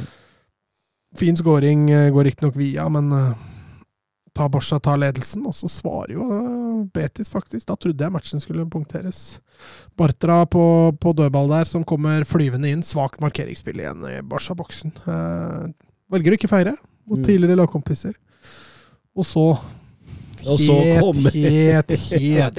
Det, det er jo nydelig. Det Ja, er jo fantastisk fotballkunst. scoring. Han har det i seg, han! Ja, ja, ja. Det er andre gang han har en sånn en i år. Jeg Husker vi snakke om en annen Ja, det var uh, det Alba-scoring som var helt var XG-en som var høyere Ja. enn på den andre XG-en. XG på minussida, altså. men, men dette her er jo altså, Det er en enorm volley. Det bankes til, og, og like fint er jo legget til Daniel Alves. Mm. Ja, ja. Bekk til bekk. Nydelig og knapt nok. Det blir jo ikke noe bedre. Og i topp fem-ligaene nå så er det kun Trent Alexander Arnold og Robertson som har mer målpoeng i alle turneringer enn Alba fra forsvarsposisjon. ja, det, det, det er ikke så rart det heller, fordi Alba inte, altså han, han blir jo nesten en form for wingback i en sånn skeiv formasjon. Han er jo veldig uh, aktiv offensivt. Enorm forskjell på bekkene til Barcelona. Ja. Alves trekker jo mer inn. Og blir ja, en slags, Det blir nesten treer, Ja. Kjøre en Jo, Julian han- Nagelsmann der. Han trekker jo veldig ofte på høyde med Busquets og trekker inn sammen med han. Og så er det Alba som kjører bredde på venstre, og så er det Dembélé som kjører bredde på Men dette er en tendens i fotball-Europa. Altså, de beste trenere. Altså, Pep Guardiola gjør det mye. Julian Nagelsmann har gjort det mye. Så det, det er en tendens, altså. Blir spekulert i av at eh, Sergio Busquets rolig skal fases ut fra neste sesong, og at uh, Xavis tre alternativer i den posisjonen er Aurelien Chouameni, Ruben Neves og Martin Subimendi. Hvem ville du hatt av de tre? Altså, Chouameni er mest spennende, selvfølgelig. Eh, men utfordringen her er at han er jo ikke en sånn klassisk Busquets-erstatter. da. Han er, jo, han er jo litt mer Kamavinga-type, da. Ja, jo, jo. Men, men, men at han kan lære seg den rollen, det tror jeg nok han er jo. Ja, men da, da føler jeg kanskje Neves allerede er der mer, da, hvis du skjønner hva jeg mener. Da får vi et ferdig produkt. Egentlig vil jeg helst at vi skal satse på noe vi klarer å utvikle sjæl, for det å kjøpe spillere, det kan ikke Barcelona. Men denne Subimendi, har han vært så god for Real Sociedad? Ja da, han har vært bra nå, men han, han er ikke Du sender ikke han på banen i en Champions League-semifinale. Han er ikke der. Hadde ikke det gått med de Jong eh, som den Jo, men dypling han- nå ga vi jeg, jeg tror han selges. Ja, det tror jeg òg, med tanke på at man trenger penger i kassa. Yes. Og det er Men det- jeg tenker at det hadde vært et alternativ. Så. Ja, ja, jeg er helt enig. Klarer man å beholde de Jong, er det mye bedre å, å fase ut han med Busquets der. Ja, for Savi har jo vært veldig opptatt av å fortelle verden den siste tida at det er kun økonomien som er årsaken til at Haaland ikke spiller i, i Barcelona neste år. Eh, hva, hva tror du han vil oppnå med det? Nei, han, det, vanskelig å si, men det altså, Hadde ikke han godeste Laporta som valgløfte at han skulle signere Haaland til han ble valgt? Det kan jo ha noe politisk med det å gjøre at uh, han prøver å backe sin egen president. Kanskje? Kanskje? Ja da, og han, han oppnår jo ingenting med det. Uh, det er vel bare for å, for å hva skal vi si, stilne litt sånne kritikere som uh, syns det var kjipt at Haaland ikke kom til Barcelona. Man, man skylder jo fortsatt på det forrige regimet på veldig mye når det gjelder økonomi. Altså, vel, vel dokumentert for at det, de har fucka rett til, men man må jo begynne å se framover Det, det, det var i en podkast her for litt siden at jeg hørte om en sånn svartemaling av penger og noen kjellere og Ja, det var kanskje 90 minutter, det. Svartemaling? Ja, historien om oh, ja, ja. Martin Braithwaite. Ja, ja, ja, ja. ja, det har ikke blitt avkastning på han Braithwaiten ennå, altså. Nei, Vi får se om det blir det til sommeren. Kanskje Wolfsburg kommer, vet du. Kanskje, helt sikker. kanskje K-felt oh, har en plan. Han får billig. Uh, nei takk. Um, Villarreal uh, møtte Sevilla til kamp også. Det, Fryktelig heldig Sevilla-poeng, det der, altså. det var det. Åh, Villarreal er jo klart best. Ah, de feide jo gulvet med dem i perioder, faktisk. Et par nydelige angrep. Eh, det var ordentlig gøy å se på Villarreal, faktisk. Eh, litt som i første gangen også mot Liverpool. Det var, det var gøy, altså.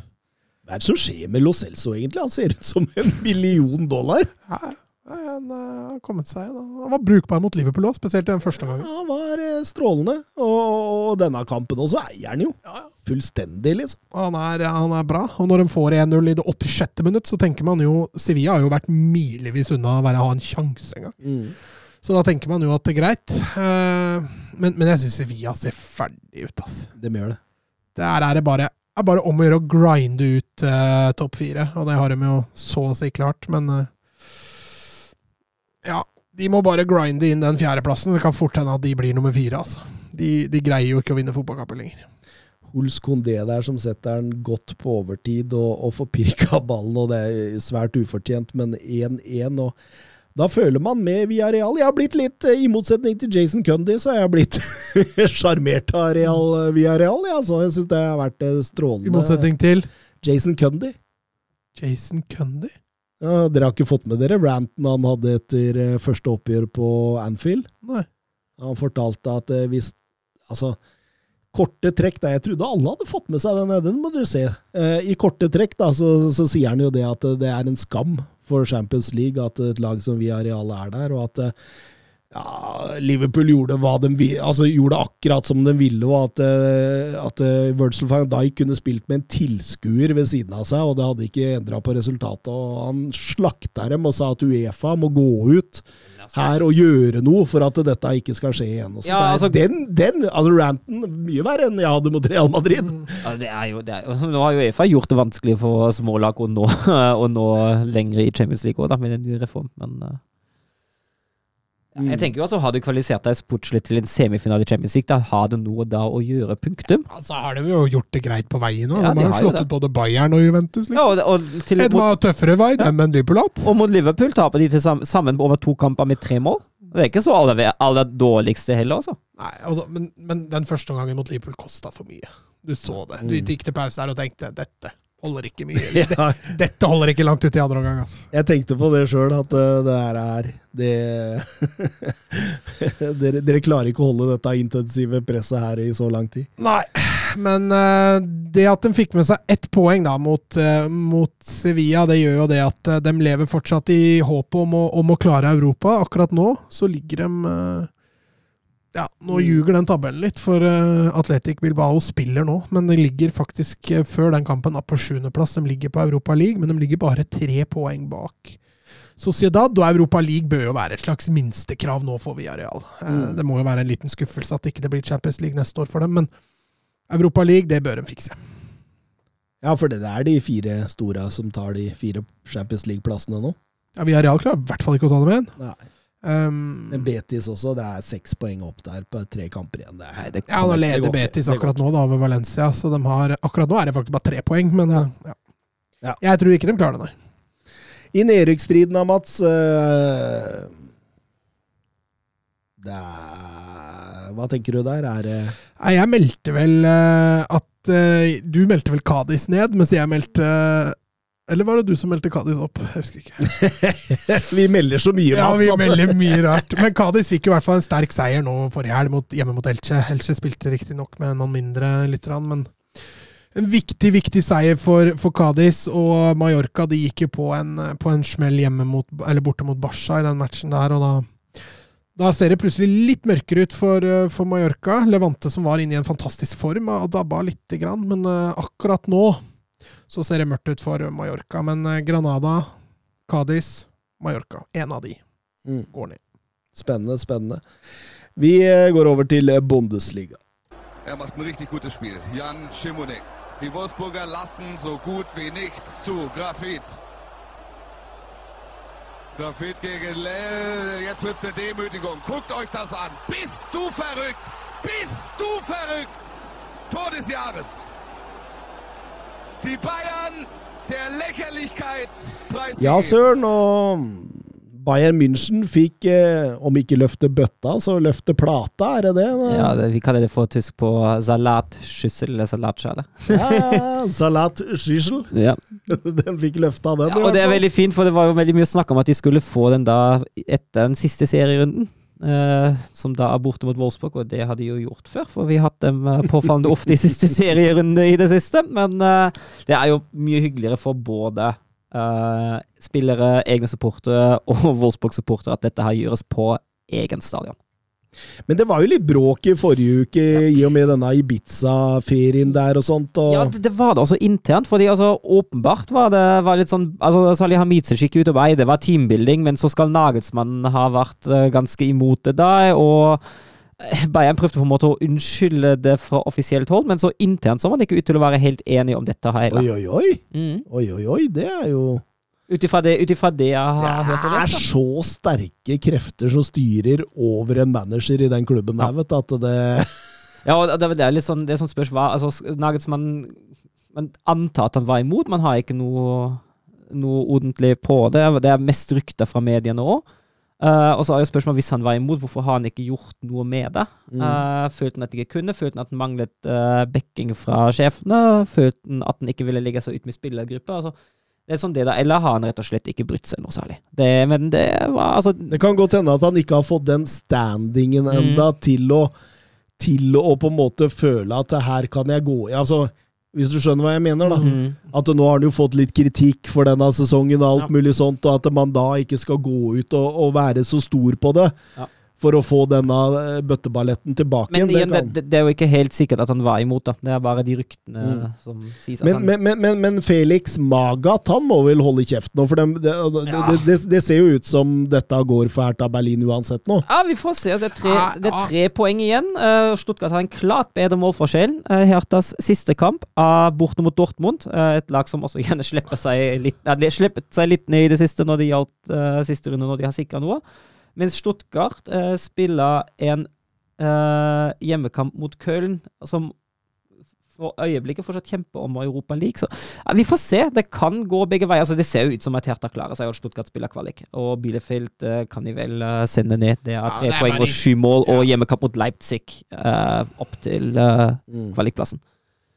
Men så jeg tror, jeg tror altså det ordner seg for Hertha. Uh, Hertha ødela for seg sjøl mot Mainz. Så dere den keepertabben til Lotka ja, det gjorde på 1-0? Herregud. Absolutt. Men ehm, Leverkosten sikra Champions League, da. Leverkosten sikra Champions League. vi kommer dit, Mats. Nå er vi på Bayern München.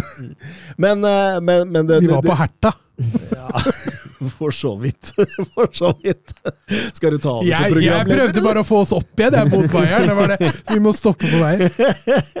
Var så langt nede. men, men, men, men det handler jo bare om å fullføre for Bayern Det handler om å fullføre. Og denne gangen var det ikke noe å si på innstillinga, i hvert fall. Eh, denne gangen spilte de litt som de skulle. Det som det var noe å si, var de store rom defensivt. Mm. Uh, Nianzo hadde jo en forferdelig fotballkamp. Var godt involvert i begge mål. og det Roma han etterlot seg, klarte aldri å dekke opp. Det var en del bakrom hos Bayern. Der. Samtidig vartet Bayern også opp med noen fine angrep og skapte en del sjøl. Det var jo en eh, generelt underholdende fotballkamp i begge retninger. Eh, kanskje ikke helt i resultatet og kampbildet som Bayern hadde ønsket seg. Eh, tillot litt for mye for Stuttgart, eh, Mm. som etter min mening tar en fortjent poenggevinst. seg. Ja, ja, absolutt. Eh, Bayern München er faktisk på 80 strake Bundesliga-kamper med scoring nå. Den rekorden blir jo bare større og større og større. og større. Det er jo, det er jo to, og en- to og en halv sesong snart. Det er helt spinnvilt. Altså. To og en halv sesong Ja, det er- det er uten uten at de har gått målløse av banen. Ja. Eh, Thomas Müller har 227 mål i alle turneringer nå. Det er kun eh, Lewandowski og Gert Müller som har flere i Bayern-trøya. Eh, dette var hans 137. Bundesligamål, og er nå da også inne på topp 20-lista over all time high toppskårer i Bundesliga. Han deler 20-plassen med Ove Sæler. Ja, og det, altså, Mulla er jo ikke en rein spesiell. Nei, nei. Det så er jo imponerende. Og nå har han signert ny kontrakt da? Ja. Gamlefar blir. Deilig, Så, deilig. så det, kan jeg jo si at nå beretter Kikka da, at uh, det blir en analyse nå. Uh, sjefene setter seg sammen, snakker litt om sesongen som var, Uh, og tenker også litt om spillere allerede nå. og trenerteamet setter seg også sammen og analyserer den forholdsvis svake vårsesongen. da. Er nær Gravenberg og Masauri nå, så. Ja, Masauri skal, skal inn på høyrebekk, og Ravenberg har, har, vært, eh, har vært et rykte lenge. Eh, Nå er han jo skada og ute resten av sesongen, så vi får se hva som skjer der. Spennende, spennende. Eh, Dortmund de eh, hadde vel egentlig en grei reise borte mot Greuter Furt, men dette var feriefotball! Dette var feriefotball fra begge. Furt har jo allerede rykka ned, og Dortmund kunne sikre andreplassen eh, med seier der. Eh, ja, det, det, det klassisk, klassisk sommerfotball. Fortjent seier til uh, Borussia Dortmund til slutt. Uh, Det var egentlig ikke så mye mer å si om den kampen da. Nei, det er ikke det, og det er, det er jo en Haaland som er litt på 80 og Ja. hadde, vært sjuk. Han har 20% i City og 80% i Dortmund. Han hadde vært sjuk opp mot kamp. eh, han hadde vært i Monaco og tatt farvel med Mino Raiola. Åpenbart ikke de beste forberedelsene til denne kampen her, men, men uh, ja. Og Dortmund har jo da sikra andreplassen nå. ja. Ja. Og Sebastian Kehl, som vi var inne på i forrige eh, episode, han får mye å gjøre i sommer, rett og slett. Ja, han gjør det. det er, men han har jo begynt allerede. Det er jo tre spillere allerede inn, og det er jo godt jobba. Ja, og, og, og tre spillere som Altså, Adiemi, spennende type. Eh, Slåttebekk og, og Syle er jo spillere som egentlig skal gå inn og forsterke. Ja, Umiddelbart òg. Mm. Så det, det, blir- det, det, blir spennende å se hva de bygger der nå. Um, vi kan ta litt uh, Leverkosen nå, som sikra Champions League-plassen. Ja, Chic-show. Få en kamp han hadde, Patrick Schick. Ja, det er det, er det villeste. Nå, nå, nå begynner han å seile opp til å være en sånn Altså oppi den der uh, nummer ni de beste i klassen, da. Mm. Chic show. Ja, men det var Det var kult da. Chic show. Ja, Vi snakka jo om at det var Nagelsmann som skulle få skikk på skikk, men det er Seoane som har fått skikk på skikk, i hvert fall nå omsider. Ja, men 24 mål på 26 kamper den sesongen her. Og han, han var jo skada nå og kom tilbake for ja, hva var det fire, fem, seks uker siden. eh, Noe sånt. Og han har jo bare levert. Han har jo Og det er klasse, de to målene! Ja, de, altså, Det er så klasse! og og, Den assisten, har du sett den nå, eller? Ja, Den han har på Diaby. Det er, det er helt nydelig. Det han spiller der, det er, det er helt topp. Og nå går, har jo Rudi Føller også gått ut og sagt at han selger vi på ingen måte. Nå som vi har Champions League, uh, kan vi beholde Patrick Schick, og vi, det blir Det er nest, nesten ingen smertegrense på Schick. Uh, han som ryktes å være på vei til Premier League og på vei bort fra Leverkosen, det er Diaby. Mm. Mm. Så vi får se. Det er litt sånn, det er litt Jeg, spennende. jeg sånn- håper Seoane får beholde de beste igjen, og sånn at han får bygd opp litt uh, Ja, for der. det, det, I det laget bodde, uh, stort potensial, Mm. og det har jeg egentlig lyst til å se utfolde seg. Det er Og- kult. Det er kult lag. Ja, kult lag, også særlig når Wirtz kommer tilbake forhåpentligvis, forhåpentligvis snart. Mm. Det er jo litt tid nå fortsatt, men uh, Men, Ja. de, de, men de møtte jo et Hoffenheim da som Altså, det, er ikke lenge siden de kunne gått for Champions League-spill, og det har rakna noe voldsomt det, det rakna. De har slitt med skader. Eh, de hadde denne forferdelige bortekampen eh, mot Hertha som de, som de taper 3-0. og sånn i, retrospekt var det nok den som satte en skikkelig knekk på sesongen. Og etter det hadde rakna noe voldsomt. eh, etter, den, etter en egentlig veldig, veldig gode to tredjedeler av sesongen. Absolutt, absolutt. Eh, veldig morsomt med Leverkosen, og, og, og blir moro å følge dem videre under Seoane, som Ja. åpenbart er en strålende manager. Gleder meg til å se. Eh, RB Leipzig 4-0 over Augsburg. Det var jo altså Fullt fortjent fast. Altså, du, du start, Augsburg starter jo med sjanse etter ti sekunder, og etter det har jo Leipzig full kontroll. Det tar litt tid før de begynner å få helt kontroll på kampen. Eh, 15-20 minutter tar det, Eh, men så snart de har spilt seg litt varm i trøya og funnet litt ut av det, så har de jo full kontroll og vinner fullt fortjent 4-0. og tar tilbake fjerdeplassen, tar tilbake Champions League-plassen. Nå er det nok med ett poeng borte mot eh, Bielefeld neste helg for å være trygg Mm. på Champions League-spill. Ja, for Freiburg de rota det litt til, De måtte ja, Men Freiburg kan vinne 20-0, da, så er de forbi. Hvis Leipzig spiller uavgjort. Men, kan Leipzig vinne 20-0 borte mot Leverkosen og er forbi. Og, ja. Altså, så altså vi, skal, vi skal ikke avskrive det helt, eh, Søren. Freiburg Union var jo en veldig eh, spesiell kamp, da, hvor Freiburg hadde 71 prosent, Ja. eh, prosent possession og Og, taper 1-4. ja, og det, det er jo noe med at, at Union, Union fant akkurat uh, den spillestilen som det Freiburg-laget da ikke likte. Uh, og Streich har nok ikke tilpasset uh, Freiburg-stilen det Union-laget. Uh, på bortekampen var han litt mer defensivt. Da ble det 0-0 eh, i vinter, men nå blir det Nå rakner det litt. Uh, Geraldo Becca var jo enorm. Han uh, stakk jo bak linjene til Freiburg gang på gang på gang. Og det, det er Union Berlin-laget. Det er, det er noen Det er kinkig lag å spille mot. det, det, altså, Fischer er, han er så fantastisk på å finne mottrekk mot de lagene han spiller på. Han er helt enorm på det, og kansellere ut styrkene til motstanderlaget. Og så har de jo en god del egne styrker å spille på. De har jo morsomme spillere offensivt. eh, God tempo, god teknikk, eh, kvalitet på innleggene. Så dette laget er vrient, ja. Mm. Det blir fort Europa League på Union Berlin nå. Ja, Det kan fort være det. Altså, de har jo, Det ser ut som at Köln tar Conference League. Ja, Köln spiller jo borte mot, mens Freiburg skal jo spille borte mot Leverkosten. Köln spiller, Köln spiller Et mot Leverkosen Stuttgart, som er klar for Champions League, da, vel å bemerke. Altså, Sannsynligvis så tenker jeg at eh, Christian Streich og eh, Freiburg er litt skuffa akkurat nå, men hadde man sagt til dem at eh, etter eh, 33 serierunder så skal dere ligge her, og dere skal spille cupfinale mot eh, RB Leipzig eh, 21. mai, så hadde de nok tatt den. Mm. Ja, det hadde det. Det, det er jo en enorm sesong som, eh, som Freiburg har hatt, og all ære til dem. Morsomt å følge det laget her i løpet av sesongen. Altså. Vi må litt lenger nedover på tabellen for å finne ditt kjære Wolfsburg, men de hadde jo en sterk borteseier nå, da. Det var egentlig det verste som kunne skje. det, Eh, det, det var det verste som eh, kunne skje. Det altså, verste som kan skje nå, er at de slår Bayern. Nei, det, vet du hva? Problemet er den kampen der. Uh, altså, jeg satt jo i sofaen og koste meg med en pils og hadde en kompis på besøk og gledet meg jo over seieren. Uh, selvfølgelig, jeg har jo supporterhjerte, uh, men det er det verste som kunne skje. Uh, det er en ufortjent seier. Det er én mann man kan takke for den seieren der. Det er vikarkeeperen Pava og Per Van, som redder alt som kom hans vei. Enorm kamp av ham. Uh, og så er det laget, laget kjempet. Laget spilte ikke noe særlig bra, men de kjempet. De var fysiske, det er greit. Og så kommer man med en ufortjent 1-0-seier. Og vår sportslige ledelse, som den har vist seg nå den sesongen, kommer jeg til å se dette her en positiv utvikling, fordi laget viste en reaksjon. Og jeg er så lei det da det var en dårlig kamp. Det da skal ikke være kravet til Wolfsburg å opptre sånn borte mot Köln. All ære til Köln. Syvendeplass, Conference League er sikra. Fin sesong, bra jobba. Men det er ikke da Wolfsburgs krav skal være. Man skal ikke kjempe seg til en ufortjent sliteseier uh, borte mot Köln. Det er ikke deg. Og Köln var jo det klart beste laget, og eh, spilte best fotball òg. Vebjørn Fredheim på Twitter. Slå Bayern München i siste nå, så sitter Kofeld tryggere enn Klopp. Ja, det, er- det blir snart et Wolfsburg svær på vinger som bare kan sparke seg sjøl, nesten. Altså, jeg, er så, jeg er så lei det. Altså.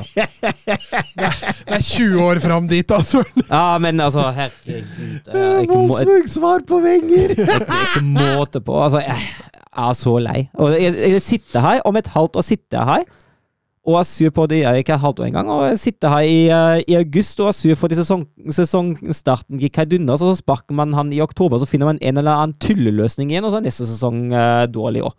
Fint. Det, jeg frykter du har rett, Søren. Jeg frykter du har rett. Eh, vi fikk eh, et spørsmål også fra øh, Jørgen Knutsen på Twitter om nyopprykka Schalke, som er tilbake i Bundesligaen på skala fra 1 til 10. Hvor kult er egentlig dette? Skal vi si 11, sier han. Ja, Men det- det store spørsmålet er Er de Königsblauen, sier jeg det riktig nå? Ja, veldig bra. Åhåhåhå. Godt nok rusta til å hevde seg i sin comeback-sesong. Hvilken lagdeler eller posisjon må forsterkes? det er en rekke. Um, ja, jeg er helt enig. Nå er Marius Lode, jo. Uh, Andreas Vinner. Uh, begge to har spilt seks kamper hver. Vinneren var Det riktignok er litt tolv skada. kamper til sammen. Vinneren var riktignok litt skada i en uh, god periode. da Vinneren var jo bare på lån her nå. Men eh, eh, altså for det første, jeg er helt enig, det er 11 av 10. Uh, det er kjempekult. Det er kjempekult at vi nå får derby Dortmund-Schalke tilbake. Det er kjempekult at vi samtidig også har Bochum oppe, fordi Dortmund, Bochum, Schalke er en sånn derby-trekant som det er kjempegøy. Så vi får faktisk seks derbyer i dette området neste sesong. Ja. Og det er, det er kult. Og hvis man så scener fra supporterne både før, under og etter kamp mot St. Pauli, som de da snudde fra 0-2 til 3-2 og sikre opprykk med. Det er jo enormt, den fotballkulturen du har rundt den klubben der. Gelsenkirchen, er det ikke? Ja, det er byen Gelsenkirchen. Eh, Schalke er en eh, gammel bydel. Mm. Så det, dette, her, dette blir gøy. Det er kjempegøy å ha Schalke tilbake. Men, men, men de vil jo få Amin Harit og Kabak og dem tilbake fra lån? Ja, for, for, vi får se. Amin Harit har jo vært strålende Ja, for, for eh, Marseille nå. Ja, og jeg, jeg, jeg, jeg vet ikke om han har oppkjøpsklausul, det har jeg faktisk ikke sjekka. Eh, men jeg tenker jo det er fort en spiller som kan forsvinne. Uh, han har jo sikkert mulighet til å spille Champions League. Og Men hvem tar andre opprykksplassen, da? det, jeg tror det blir Veda Bremen. Jeg tror det. Ja. Og så er det spørsmål som spiller kvalik. Det kan fort bli HSV. du koser deg med HSV? Ja, nå har de, jo, de har jo kommet inn i en litt bedre periode nå igjen, og nå ligger de vel på tredje. Så Er det, ikke, er ikke dette tredje sesongen i andre Bundesliga? nå, Jo. Og det er på ingen måte sagt at hvis de møter Stuttgart, eller det, heter, det går opp det hele. Jeg tror Bremen tar den siste opprykksplassen. Det. Men, men, men Schalke må, må Schalke- styrke seg, eller? Schalke må styrke seg. Schalke trenger en ny keeper. Mm. Uh, Schalke trenger egentlig en helt ny forsvarsrekke. Uh, det, han som er best da, uh, hos Schalke, det er midtstopperen Ko Itakura. Men han er jo bare på lån fra City. Mm. og så vidt meg bekjent har de ikke utkjøpsklausul, så da er det fort fare for at han havner i en annen klubb. Schalke har jo også ikke det, de, for å si det mildt, da, ikke de beste økonomiske forutsetninger. Så de har jo Roven har vært veldig flink. Han har samla sammen en god tropp ved hjelp av lave overgangssummer og masse låneavtaler, uh, som sikret opprykket. Men det er jo den baksida er jo at lånespillerne drar jo tilbake. Ja, utenom et par av dem, så er Ja. Salazar blant annet, som har vært ganske god. Altså, ja, han har vært god. Han har vært ja. enorm, eh, og det er viktig at de beholder ham. Vindheim jo, går jo tilbake, han òg. og Itakura er jo den viktigste brikka bak deg. Eh, og så er det Det manglet stabilitet i det forsvaret, så da er det en jobb å gjøre. Eh, det manglet etter min mening også kreativitet i midtbanen. Eh, det er litt sånn veldig få spillere der som virkelig skaper noe på et høyere nivå. Og så er jo, hadde jo uh, Terodde på topp. Og Terodde er jo en spiller Hvis, hvis du ser på tallene til Terodde Han er nå 34 år. I andre Bundesliga har han spilt 282 kamper, skåra 171 mål, hatt 43 assist. Mm. Denne sesongen står med 29 mål på 29 kamper. Men i, i Bundesliga på øverste nivå da har han spilt 58 kamper og skåra 10 mål og to assist. Så det, det er en sånn typisk spiller som er på et enormt høyt nivå i andre Bundesliga, men ikke er helt god nok for første. Tysklands svar på, eh, på, på Han i Fulham? Ja, Mitrovic? Mitrovic. Ja, ja, så og akkurat nå er han jo egentlig den eneste løsningen de har på spissplass, og da må det også gjøres noe. Så det er, det er en del ting man må bygge, og så er det jo klart at hvis, man, hvis en del spillere forsvinner ut, så må man jo også gjøre noe med bredden i troppen. Men, men, men, men, men har de ikke også en, eh, en trener på, på Jo, og det er jo det neste spørsmålet. Hvem, hvem blir ny trener? For de trener nå er Mike Buskens. Han tok over da Dimitrios Gramotsis uh, fikk sparken. Og han er en motivator. Nesten utelukkende. Han er ikke noe særlig taktisk, han er en motivator. Og for ham er det også helt klart at han går tilbake som assistenttrener neste sesong. Og så er jo spørsmålet hvem som blir ny trener. Og det er ikke avklart i det hele tatt, og det blir jo spennende å se. Og det er jo det som først må på plass før uh, man egentlig kan begynne å tenke litt på spillerstall. Og Mm. dette må man jo gjerne gjøre i samarbeid med nye trenere. Men gøy å ha Schalke tilbake. De, de, de er jo et Bundesliga-lag. Ja, de er, jo- er en Bundesliga-klubb. Eh, König, Blauen. ja. Så vi får se. Og så er det jo som sagt trange økonomiske kår som fortsatt gjelder.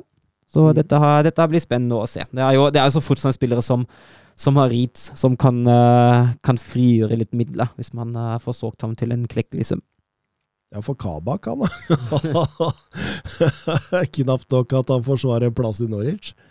Så eh, blir det fort nok at han ikke er god nok for Schalke i Bundesliga heller. Vi får se. Nei, vi går over til Serie A. era il marcatore di Cannavaro.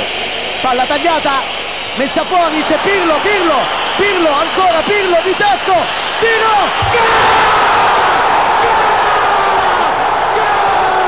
Grosso, grosso, gol! Gol di Grosso, gol di Grosso! Ja mm, Milan, Mats. Milan. De fikk en eh, tøff start mot eh, Verona, i hvert fall. Eh, men så har de jo en kjæledegge sentralt på midten som uh, fiksa biffen. De eh, hadde jo kniven på strupen. Altså, de, de har jo også en venstreving som er helt enorm om dagen, altså. Det er to stykker som drar dette, pluss en keeper nå, altså som gang på gang på en måte eh, drar biffen i land. Og det, det er eh, Sandro Tonali, Rafael Leao og ikke minst eh, keeper Magna. Mike Magna. Eh, altså, at de kommer under her mot Hellas Verona, eh, Faraoni, det er som header inn eh, 0-1, da, da, da bør jo nervene komme. Men da, da syns jeg de steppa opp. Det viser karakter. Og så er det unggutta som tar tak, da. Ja, Og det, det er veldig positivt for uh, Milan, og i hvert fall da med tanke på at Inter spilte jo først og satte press på Milan, og så havner man under i tillegg. Mm. Så det var, det var litt karakterstyrke, det der av, av Milan, altså. Ja, absolutt. Og, og, og, og, eh, riktignok 1-1 med Tonali der kommer jo i det beste tidspunktet det kan gjøre, da, rett før man går inn til pause der. Men så, i pause der, så sitter jo Pioli med et valg. Skal jeg gamble hardt og gå for tre poeng, eller skal man være mer forsiktig i tilnærmingen, sånn som Arsenal var mot Leeds? Eh, Hellas Verona borte, ikke bare bare, de kan kontre deg i senk. Ett poeng, så beholder vi ledelsen, for vi er bedre innbyrdes enn en Inter. Mm. Men, men han gambler. Han kjører, og, og, og får betalt for det. Ja, Tonali kickstarter også andreomgangen bra, eh, med å sende dem opp i ledelsen der. og Det er jo to glimrende tidspunkt å score på. Rett før pause og rett etter pause. Og begge assistert av Rafael Leal. Ja, han var strålende. Så et intervju her med han som hadde Eller som er en del av uh, trenerteamet i Sportingakademiet. Og han sa det at Rafael Leao sto ikke noe tilbake for Cristiano Ronaldo. Sånn når han kom opp fra Jeg husker rekkene. når han spilte mot Norge på U19 eller noe sånt, når det var der nede. Mm. Fy flate for et beist han var på topp, altså. De hadde Mm. ikke kjangs til norske stoppere. Absolutt ikke. Det er helt fantastisk, egentlig, det han driver med nå. Og, og dette, dette kan holde, det. Altså, Stabile defensivt, og så har de disse framover som gjør det. Men de har, de har to litt sånne snuble... Litt snublekamper. Litt verre enn uh, Inter, altså. For de har Atalanta hjemme og Sassolo borte, Søren. Ja, begge to er jo tøffe. Og jeg meldte vel i forrige uke at det var gikk på målforskjeller, som du er inne på, der bommet jeg jo fullstendig, for det er ikke målforskjell i Italia. Har... Ja, vi har ikke fått pes for det! Jeg, Nei, tenkte, det jeg hadde tenkte vært, på det. det. hadde vært fortjent å få pes, for jeg måtte sjekke det jeg kom hjem, og så tenker jeg nei, farken, det var ikke helt, eh, ikke helt eh, Vanligvis så er innboksen min full når, når det blir sagt noe sånt nå, men denne gangen så har det vært helt stille. Ja, det er fint, det. Men eh, ja, jeg bomma grovt, og ja. Men jeg tror fortsatt Inter det, da. Mm. Vi kan ikke vingle nå. Nei, jeg får bare stå på Juventus, ja. Er du poeng bak med to kamper å gå! Jeg skal ikke vingle! Det er ikke over før dommeren blåser av siste matchen. Men, men vi må snakke litt uh, Tonali og, og Leao nå, fordi Altså, eh, Tonali, først og fremst. Blitt den spilleren vi spådde da han tok steget fra, fra Brescia. i Det har tatt litt lengre tid enn vi trodde. Ja, han har gjort det. Eh, ser ut som han har blitt liksom på en måte litt vant til tempo, da. Mm. At det er eh, Nå er han den Pirloen vi egentlig etterlyste. Eh, 22 år. Ja, fortsatt ung, for all del. Ja, og dette kan utvikle seg til å bli en ny kulthelt fra Italia, egentlig. Ja, ja, han har eh, alle egenskapene til det. Og ikke minst Rafael Leao, da. Ti mål og seks assist, og er vel det er, det er egentlig spilleren de ser etter når de stanger. Ja, det er akkurat det. fordi altså, Det er ikke bare de tallene han har, og de er jo gode nok, men det er Nå har jeg ikke noe statistikk på det, men det føles at han er der i de avgjørende, i de jevne kampene. Det er ikke sånn at han setter to-tre stykker når de vinner 4-0 uansett, men det er han som får det til å snu. Det er han som får det til at de tar poeng og tar seirene. Mm. Og så er det jo sånn at uh, Milan blir vel oppkjøpt av et enormt uh, økonomisk eh, Hva kan du kalle det? Økonomisk eh, Monster. monster ja. Så, så eh, trolig klarer vi å beholde disse her, men hvis ikke det hadde skjedd Jeg hadde, jeg hadde begynt å se meg over skulderen over disse hadde kunnet bli i Milan. altså. Ja, altså er Milan, i likhet med mange andre italienske klubber, litt sånn trykka økonomisk. Da. Så de hadde vel kanskje måttet selge. Men nå eh, ser det ut som disse kan være med på å dra lasset på nye Milan her, og det blir veldig spennende å se hvordan det utvikler seg etter hvert. Men eh, ja, som du sier, Atalanta hjemme, Sassolo borte, det er ikke lett. Inter har, eh, har Cagliari hjemme og Sampdoria Nei, Cagliari borte og Sampdoria hjemme, som er vesentlig, vesentlig lettere. Ja, kommer, jeg føler at det kommer litt an på om Milan avgir poeng i så fall hvor mange, for jeg tror Inter vinner begge sine to. Mm. Milan er jeg ikke så sikker at de gjør. Men hvis de tar fire poeng, så er de jo sikre. De trenger jo i anførselstegn bare fire poeng de siste to kamper. Men det starta ikke voldsomt bra for Inter heller. Nei, de gjorde ikke det. Det sto jo 2-0 etter en halvtime. Og det er klart det når deres egen Andrea Pinamonti setter 0-1 der ganske tidlig, Skal, skal vi nevne at de spilte mot Empoli? så, så, så, så er det jo klart det at det, så nesten ut som Pinamonti ba om tilgivelse da han satte skåringen der. Eh, men det, det, det, var dårlig åpning på kampen der, og ligger under 2-0 ganske tidlig før de, eh, før de skjerper seg. Det er veldig viktig at de kommer tilbake før pausen. Eh, I hvert fall med ett mål, men at det også blir to. Det er jo, er jo enda bedre for dem. Men eh, at de kom seg tilbake inn i kampen med tanke på resultat og sånt før pausen, det var viktig. Også, det ble jo også bedre etter at de fikk 0-2. Eh, de fikk jo litt bedre grep, særlig venstresida var jo farlig frampå. Så er det litt artig at han som starta Han som starta eh, det comebacket til Inter her, det er eh, med et selvmål. Det er altså broren til Romagnoli i AC Milan. det kunne blitt en eh, trivelig familiemiddag, Mats. Men Inter har så mye å spille på, og, de kjører jo etter pause og tar jo en full fortjent 4-2-seier der. Ja, det var fortjent. Det var veldig fortjent.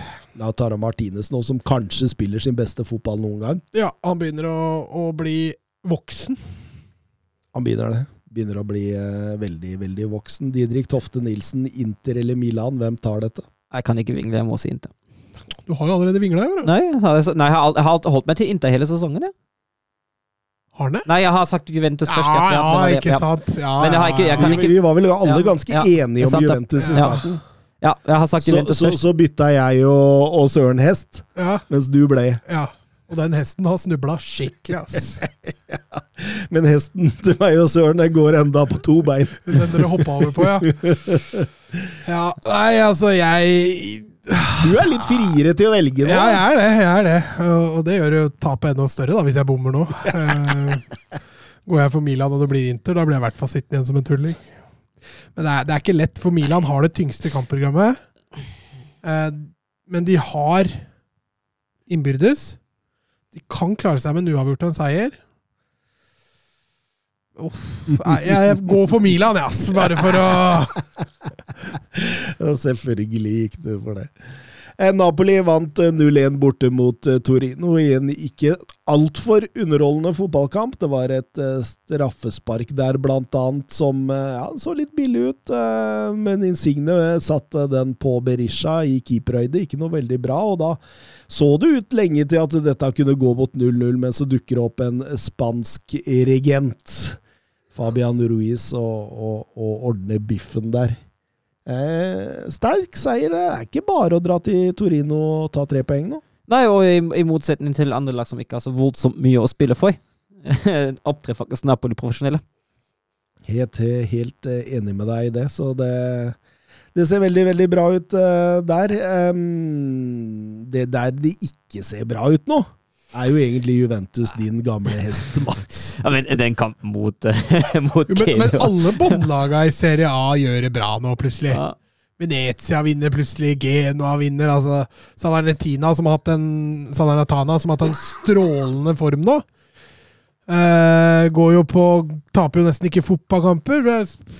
Ja, vi får se hvordan neste serierunde går. Men plutselig kan Spezia altså plutselig ligge litt dårlig an der. altså så Men det, altså, det er jo strengt tatt en fryktelig, en fryktelig uh, en fryktelig kjedelig fotballkamp de første 85 minuttene. Det er ikke noe sjansebonanza! Nei da. Uh, målet kommer så på et langskudd, og han vil en til i stolpen, men uh, Dybala. Men uh, det som skjer etter 85 altså Hvis man bare har sett de siste ti minuttene, altså fra 85 til, til 95 i tanke på tillegg og sånn, da har man nesten sett alt, altså. Ja, da tar det av! Da tar det av. For først er det jo den straffesituasjonen Ja. som eh, var etter hvert eh, kobles inn og, tre, og, og sender dommer på skjerm, hvor han trekker den. og det, det er i og for seg helt greit, fordi du ser at denne Marley Akay, unggutten som kommer inn der, han filmer jo åpenbart i den duellen eh, med Albert Gudmundsson. Og direkte etter det så går Genoa opp og scorer ved Albert Gudmundsson, som, som setter den til direkte etter det, og så blir det 1-1. Eh, da kjører jo Genoa, og Juventus virker jo fullstendig avslått. Den, altså, hvordan Juventus gir fra seg ballen i frispilling uh, noen få minutter seinere, i Genoas press, og Amiri får, han får jo skyte helt fritt! Han kan jo velge hjørnet fra 11 meter, har ikke noe press på seg i det hele tatt. Og så setter han forholdsvis at uh, Snesny får redden, da. Men åh, få en sjanse! Og så har vi jo en på andre sida som er minst like feit, om ikke feitere. ja, det, det, det var veldig morsomt, det, det siste delen der. Og, eh, men, men, men så ender det opp med straffespark til Genoa. Godt, godt ut i overtiden. Ja. Eh, denne gangen så går de ikke ut og trekker det.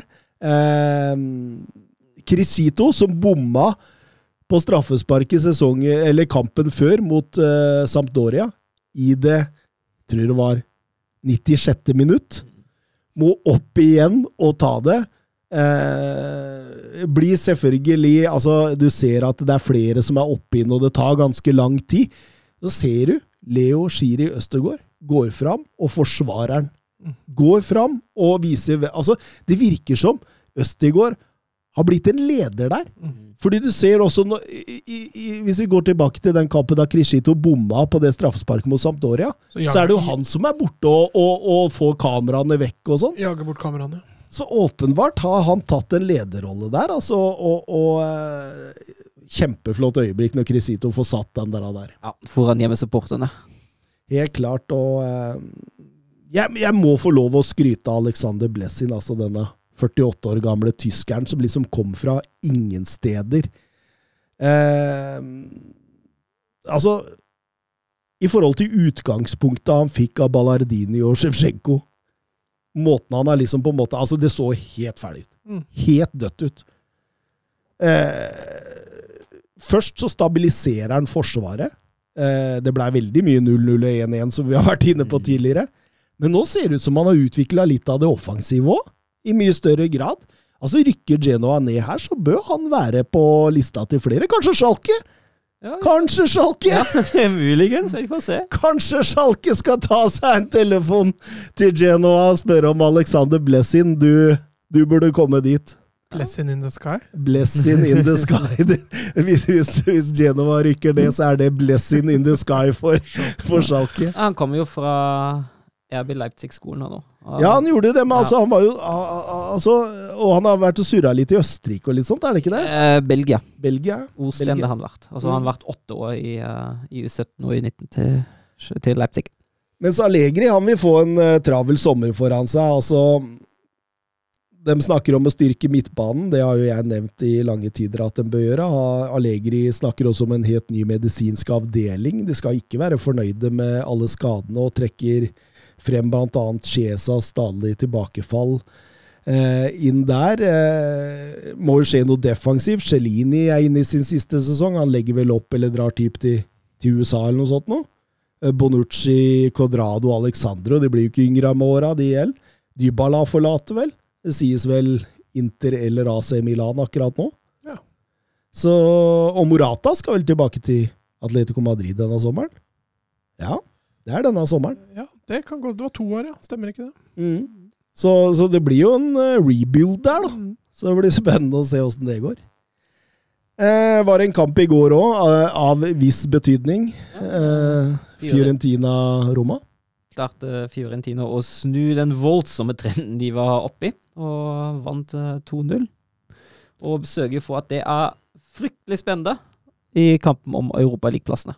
Ja, nå er det tre lag på 59, og så er det tre poeng opp til Lazio, som ligger på femte. Så det der blir et rotterace, og den taperen der får altså ikke Europa. Ja, for du får ett lag i Europa League. eh, Du får to lag i Europa To League, ett lag i Conference League og ett lag som ikke får noe. Og Men, men hvem er det som er i cupen der, da? For det også er det vel er, det er vel Inter mot Juventus i finalen. er Inter mot Ja. Juventus i finalen. Ja, men da blir det jo det. Jeg ikke ta feil. Mor. Mourinho ga skylda for tapet på dommera og Conference Oh, hvem, hvem er overrasket nå? De vant jo 1-0 over Leicester og skal møte Feinor i finalen for en eh, stor tittel, Mats. Ja, det teller Nå hører du han er på defensiven med en gang! jeg, jeg, tror, jeg, jeg, skal høre gjennom episoden, men vi har, ikke, vi har ikke tatt med Conference League. Vi sa i starten av Conference League teller ikke som, som en av de. Jeg hører på latteren til Thomas òg, at det har vi sagt. Nei. Jo. Altså, jeg koser meg med dette! Det er bare det at dere skal finne fram til episode det er Ja, men det er jo bare å finne fram når vi tippa Serie A, ikke det? Var det, var det da vi nei, vi gikk jo gjennom litt for lag for lag i år, ja. Så vi må finne fram til Roma-delen. Ja. Hva har blitt sagt der? Ja. Fordi jeg, jeg mener å huske at vi sa at uh, cup med Italia, uh, europeisk turnering utenfor Conference League og selvfølgelig seriegull. En ting er i hvert fall sikker, hvis Mourinho vinner Conference League, så blir han den eneste manager som har vunnet alle de store Ja. europeiske cupene. Ja, og så har han, har han uh, sin inngangsbillett til Europa League der. Ja. Det kommer han til å ta sette høyt. Det Han kommer til å nevne det på hver pressekonferanse. Respect! Respect. Respect. Three times, three times. three cups, three cups. Men, men det, det blir et rotterace om, om nedrykk i Serie A der òg. Det ser ut som ja, Spezia skal klare seg, og da, da er det jo Salerniterna på 30, Cagliari på 29 og Genoa på 28. Det blir en eh, tøff uh, siste to uh, runder. Eh, Cagliari har vel Inter i neste kamp, så de, det begynner jo å brenne litt på dass der, da. Mm. Ja, så har de Venezia sist. da. Ja, altså den, den blir viktig for dem. Um, Geno har vel Napoli borte, hvis ikke jeg husker. Og. Bologna hjemme. Og Salernitana har jo, har jo Empoli og Odinese som er overkommelig. Så Salernitana har vel vel Men det var vi vel inne på forrige episode, at de kunne klare det pga. Ja. god form. Helt, helt har jo klart. tatt eh, poeng eh, mot eh, Atlanta, slo Venezia og spilte uavgjort mot Cagliari, som det var nok til å holde dem bak seg. var voldsomme scener der mot Cagliari når Frank Ribberi blant annet pådro seg rødt kort fra innbytterbenken. Ja, litt bittert for Asarita at Cagliari utligna ni minutter på overtid. Det var jo et resultat av det voldsomme Ja. håndgemenget der. Nei, det er eh, morsomt å følge med Serie A videre. Atalanta vant også 1-3 borte mot Spezia, og, og, og, og godeste Nå står det helt stille her. Trener eh, Gasperini eh, begynte å så tvil om fremtida si til Atlanta nå. Sier at eh, jeg skrev ny kontrakt i, i november, men spillereglene er ikke de samme i klubben lenger som det var da. Jeg kan, kan, kan, kanskje merke at han har oppnådd det maksimale med Atalanta. At det er litt sånn der nå det sier slutt, da. Ellers så begynner det å bli mye ledelser, folk Ja. i toppen der, som skal ha sitt å si òg. Vi går over til Ligue Ø. sur la frappe de Messi de, De de Mercado, Mercado, oui. Mercado, et, et là aussi on a un petit peu de réussite. Griezmann sur l'appui, c'était bien joué avec Giroud. Oh, Zidane Oh, Sylvain, il l'a vu Oui. Kylian Mbappé Kylian Mbappé, il l'a vu Ça fait 4 Et ça fait peut-être un quart de finale pour l'équipe de France. 68e minute Oh, la joie collective parce qu'ils ont tous jailli du banc pour aller saluer cette passe décisive géniale de Giroud et ce doublé pour Kylian Mbappé. Og der fortsetter vi vel egentlig å se Paris Saint-Germain på litt sånn halv maskin. Nå må vi bare fullføre. Ja, det er jo litt sånn det samme, samme greiene. Litt sånn, litt sånn lignende kampbilde som mot uh, Strasbourg forrige helg også. Og igjen av den to målledelse som altså ikke holder inn til seier. Nei, eh, det, det, virker nærmest som om at eh, det, er, det er viktigere å bare bli ferdig med sesongen nå, Mats. Ja. Det ser nesten sånn ut på spillere òg. De vil på ferie hele gjengen, tror jeg. Eh, Det er, ingen, det er lite sprut i det laget der. Eh, og, og det er jo klart det at det var Champions League som var det store målet denne sesongen. Eh, gikk ut der på en litt sånn kjip måte. Har egentlig vært klart at de har vunnet ligaen i et halvt år eh, nå. Eh, Litt spesielt, jeg leste Pochettino var ikke nominert som årets trener. Eh, Så det er svært, svært sjeldent at manageren som vinner league Ø, ikke er nominert. Og det, han vinner jo med ganske mange poeng òg. Ja, absolutt. Eh, det står mellom Sampaoli i, i Marseille, Genesio i Rennes, Stefa i Strasbourg, Galtier i Nis og Comboare, som vant cupen med Nant nå. Eh, til Pochettino ble spurt da, hvorfor, hva han syntes om det, og da sa han jeg har ikke noe kommentar til det, på akkurat samme måte som jeg ikke hadde noe kommentar til da jeg ble nominert til årets trener i Europa med Klopp og Guardiola. det, er, det, er, det er bra comeback, egentlig, men, men Peter Bosch vært ute og forsvart det nå og sier at det er helt uhørt. Det virker som folk ikke forstår at det er faktisk en jobb, det også, å vinne, vinne ja, ligaen med Paris. Det framstår jo litt rart. Altså nå, Med tanke på alle, alle problemer og all kritikk han sikkert også har fått til tider med rette, er det jo rart å lede serien med tolv poeng to runder for slutt og ikke bli nominert til det. Ja, det er jo helt spinnvilt, faktisk. Og det ser ut som det, det, er, det er ikke noe match mellom Pochettino og Frankrike. Nei, det viser bare ikke. Og ja, jeg tenker jo at eh, Jeg tror han blir glad når han en dag kan tilbake til Premier League, og jeg tror også PSG blir gladere med en annen trener. Jeg syns han ser så umotivert ut, jeg, Porcetino. Ja, og det- Sitter på benken og der og det- liksom Det er ikke noe affection. Nei, det er ikke Og noe det er jo noe som kan spre seg over på laget òg, når vi har snakket om motivasjonsproblemer til laget. Det er jo noe som får Altså, Men, energi men, men, men, men spørsmålet er jo hvem er det som i så fall har smitta hvem? Er det Ja. som har smitta det, jo, det kan fort bli en sånn ond spiral, Ja, der begge jeg, forsterker hverandre. Jeg tror også han, han får ikke gjort det han vil, da, for det er så Mm. mye sterke personligheter. Selvfølgelig i ledelsen, men også i spillergruppa. Da. Hvis han har Mm. lyst til å bytte ut Neymar, så får han ikke gjort det. Nei, nei. Det ødelegger hele garderoben. Du får ikke spilt ut de taktiske Nei, du gjør ikke det. Altså, du får ikke rokert Messi, du får ikke, du får ikke kjørt Mbappe dit du vil, kanskje, fordi der må han spille. Altså, du, Mm. Du begrenses, da. Og det, det, tror jeg kan være veldig demotiverende for en trener. Det tror jeg. Og det er jo, vært, det er jo ikke noe hemmelighet at han Han prøvde jo å komme seg unna her en periode. Eh, fikk ikke lov til det. Leonardo skal være ganske vanskelig å samarbeide med, ifølge Tuchel i hvert fall.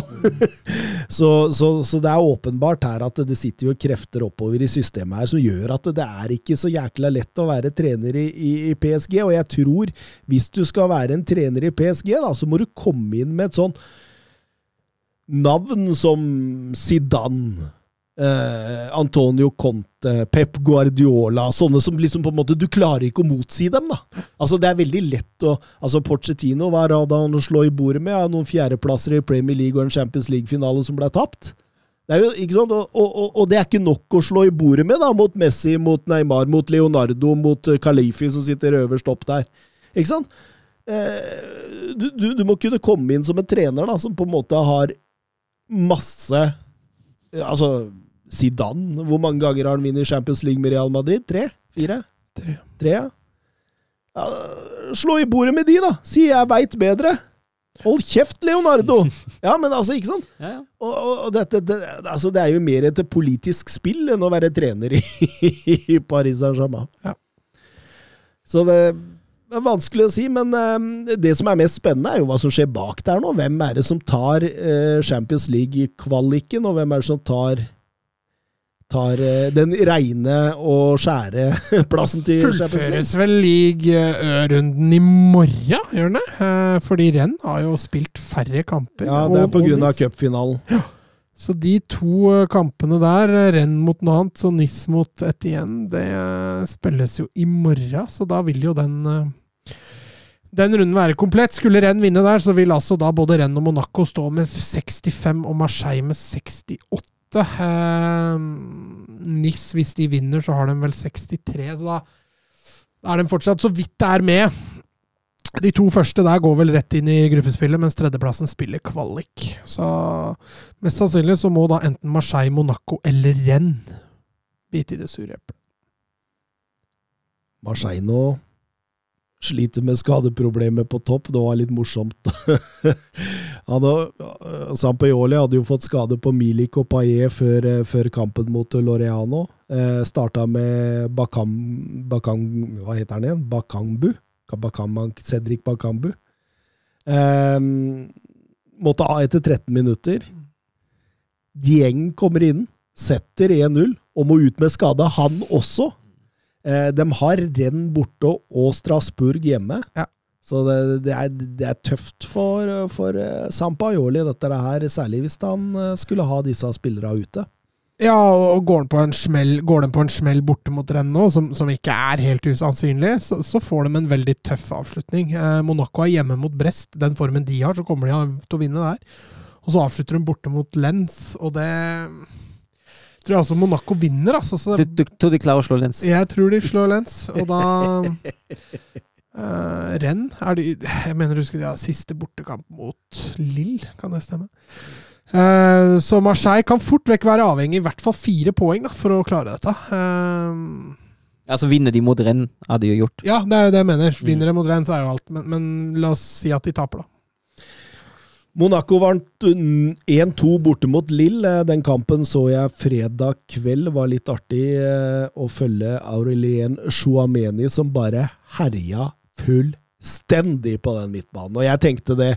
Ok, du er en defensiv, balanserende midtbane. Hvis du har det i deg, at du kan skyte dem i mål med først høyrebeinet fra 20 meter, og så med venstrebeinet fra 30 meter i tillegg, da blir den prisen høy i sommer. Altså, fordi nå, nå dominerer han fullstendig. Han er 22 år gammel. Vi har snakka om han i tre år allerede.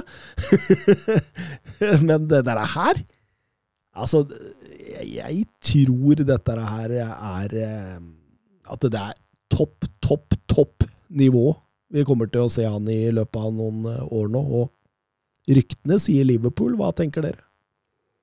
Ja, det hadde jo vært, eh, hadde vært fint å ha i Liverpool. Jeg tenker jo at det passer jo, passer jo godt inn i, eh, i den spillestilen der, både offensive og defensive kvaliteter. Samt at Liverpool har jo, har jo kanskje behov for litt flere spillere i bredden sentralt. Og jeg tror han kan utvikle seg enormt i Liverpool. Er ikke han rykta til halve Europa? Jo, men eh, Liverpool skal vel ligge i førersetet nå, ifølge de nyeste Skal ikke. Liverpool ha Bellingham òg? Ja, men, det eh, er det- indreløper, vet du, Mats. Ja, for Liverpool er kjent for å splæsje mye penger. eh. men Bellingham får jo nok ikke denne sesongen her. Nei, det tror ikke jeg heller. Han blir i Dortmund et år til. Det tror jeg også. Dortmund selger én stor spiller per sesong, ikke mer. Absolutt. ehm, nei, det, det, det blir spennende å se eh, i Frankrike framover nå. Det, det, er jo, det er jo mest denne tre, andre- og tredjeplassen. Og, og, og, og ja, og, om Santet igjen klarer seg eller ikke, det, det blir veldig spennende å se. Ehm, Det er altså en kvalikplass til 18, ikke sant? Det er Ja. det, ja. Det er kvalik. Ja. Helt riktig. Eh, Bernt Olav Gjellegjerde Hansen på Twitter han spør eh, Han vil ha fem league Ø-spillere litt under radaren som bør være aktuell for større klubber. Litt under radaren, det er jo et vidt begrep. Altså, så tenkte jeg liksom, kan det være sånn Terrier, Laborde, Gori? Men det, det, det er vel sikkert enda Altså, de er jo på radaren. Så litt under radaren. Da måtte jeg Da måtte jeg tenke litt. Du må ikke være litt. unge, ikke sant? Nei da, Nei da. nei da, bør ikke være unge. Eh, har dere noe forslag, eller? Ja, Lukeba fra Lyon. Han er jo ung òg, han sjekker faktisk begge boksene. Eh, Han har jo vært strålende sammen med Boteng på stoppeplassen. Kanskje league Øs beste stopper i år, faktisk. Ja, han har vært strålende. Kom inn som et sånn reservevalg der, eh, og har bare tatt eh, league Ø fullstendig. Er 19 år, tror jeg. Ung gutt. Nok en av de derre det kommer opp, altså det, er en stopp, det er en stoppefabrikk ut av verden, Frankrike. Altså. Alicho, kanskje? Mohammed Alicho. Mm. i, uh, i Angers. 18 år. Spilt 30 kamper. Uh, Skåret fire mål og én assist. Ja. eh, Lynhurtig, litt sånn Ja, ja, jeg har sett eh, noe til han. En brukbar spiller. Han, han er vel også vært ganske høyt på disse talentkåringene i, i Frankrike, tror jeg. Ja, Seko Fofana òg. Har vært bra i år. Å, deilig at du nevner den. Deilig at du nevner den. Sånn energisk, hardtarbeidende bikkje. Bare river opp og tar løp og er en Altså, eh, kall den gjerne en Patrick Vieira. Jeg Har faktisk åtte ligamål også, med veldig tungt skudd. Ja, han er en, er en fin spiller. Er vel med å holde Patrick Berg på benken, blant annet. Eh, Jeg var vel innom uh, Lovro Maier i renn eh, forrige episode. Han har jo også gått litt under radaren. eh, Luka Modric, kopien fra Kroatia der, som tar steg hele veien. Og det var vel i den alderen der Luka Modric kom til Tottenham, i 23-24-årsalderen. Så kanskje han er klar til å ta neste steg. Eh, ellers så vil jo jeg nevne sjeik Dokoré da, på Lens, eh, 22-åringen, som er litt sånn ja, Kall den gjerne en, en Didi-type. Litt sånn hardtarbeidende, defensiv midtbanespiller. De har en del av det i ligaen òg. Ja, de defensive òg. Dem eh, produserer dem på jevne mellomrom. Ja. Mm. Og så, og så vi, kan jeg til slutt ta med Yusuf Fofana, fordi det er jo Shuameni som tar all heder og ære på den midtbanen til, til Monaco, men vi må ikke glemme at Fofana er ikke langt bak, faktisk. Og han er bare to, tre, 23 år, tror jeg. Eh, enda mer toveis enn en Chouameni. Har eh, nivået helt klart inne. Var svak. Skikkelig svak på slutten av Niko Kovac-perioden, men, men eh, kjenner han virkelig igjen nå. Så, så, så det er også en spiller som man kan ta med her. Vil du gjøre noe morsomt? Mm. Det kommer i dag litt kvipp. Kom med en grunn, kom med grunn hvorfor Marcello har blitt uh, kastet ut av Lyon og gått over til Bordeaux på lån. Ok? Kan det, jeg kan lese den tweeten som Transfer News Live på Twitter, da. Skrev for Den er fantastisk. Den er, den er på engelsk. Men uh, Marcello was permanently removed from the Lyon squad for farting in the locker room and laughing about it with his teammates. Juninho, who did not like him, decided to take the opportunity to remind him of his poor performances on the pitch and fired him. Juninho. En annen klubbeier som eh, har fått det glatte lag den siste tida, og han, han, han måtte vel gi seg også. Fordi Aula, eh, presidenten i, i eh, Lyon, han hadde et stort ønske om å hente Galtier når Galtier valgte Nice. Men Galtier oppga Juninho som grunnen til at han ikke kom til Lyon. Og det var nok til at Allah etter hvert Get uh, him sacked! eh, skal vi kjøre på med europahjørnet som det siste vi gjør, gutta? Bra jobba, gutta! Bra ball! Nei! Ah, grei offside. Tor Håkon, den er grei. Tor Håkon! Nei, Tor Håkon, det var din egen skyld. Ikke bli sint for det, i hvert fall. da. Tor Håkon, ikke kjeft på dommeren, og ikke kjeft på dommeren. Tor Håkon, nå hører du på dommeren. Det er hver gang, altså. Hver gang. være. Ja Hvem vil begynne? Hvem vil begynne? Nei, jeg kan starte. Uh, Ok. Ble det seriegull? Hm? Ble det seriegull? Ble det seriegull? Du får gjøre det. Vente i spenning. Det er jo to kamper igjen i Nederland, uh, som vi kan jo avsløre. Um, Ajax spilte borte mot AZ. Uh, Seinere skulle da Ajax spilte, spilte før PSV spilte sin bortekamp mot uh, Feyenoord. Før kampen var det fire poeng. Uh, en jevnkamp mot uh, AZ. Jeg syns ikke Ajax klarer å dominere i like stor grad uh, som før. Har nok riktig, riktig 60% possession, men altså, sjanse, sjansemessig er det jevnt. Det er en generelt forholdsvis sjansefattig første omgang. Uh, men Brobby klarer da på tampen av omgangen å sende Ajax i ledelsen. Kampbildet endrer seg ikke noe nevneverdig, men AZ kommer fram på etter hvert utover i andre omgang. Og Pavlides utligna før Håkon Evjen snur kampen og sender AZ 2-1 i ledelsen.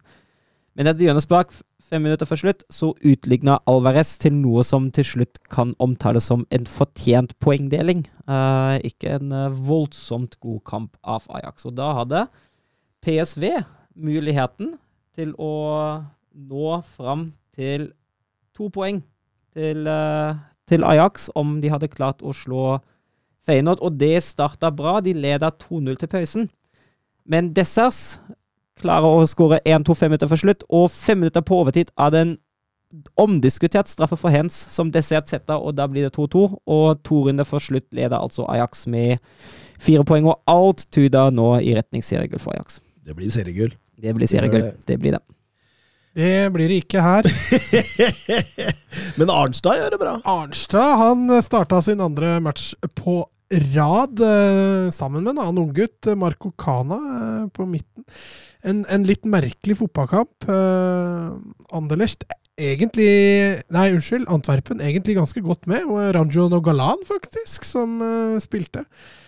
Men, men, et voldsomt effektivt Anderlecht. Amusu på venstrekanten til, til Anderlecht skårer et hat trick.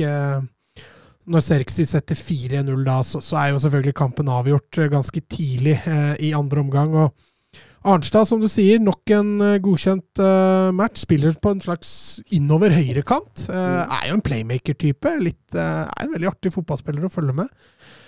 Um, seieren i seg selv gjør at uh, Anderlecht fester dermed et grep om denne tredjeplassen. Uh, fortsatt et litt for langt stykke opp for å kunne ta igjen og, og, og, gå forbi toppen, men denne tredjeplassen er jo veldig viktig med tanke på Europa. Uh, ja, og Brygge kan nevne at slo Sant Gio da er faktisk Brygge nå forbi Sant Gio. Og de har jo leda hele sesongen, stakkars. Og da er, er det tre kamper igjen, så det er nesten litt synd hvis de ryker. Men eh, ja, Brygge er jo et fantastisk fotballag, så kanskje ikke så rart heller. Nei. I Liga NOS eh, kan vi gratulere Porto med seriegull. De vant 0-1 eh, borte mot Benfica etter mål av venstrebekken Sanusi, langt ut på overtida.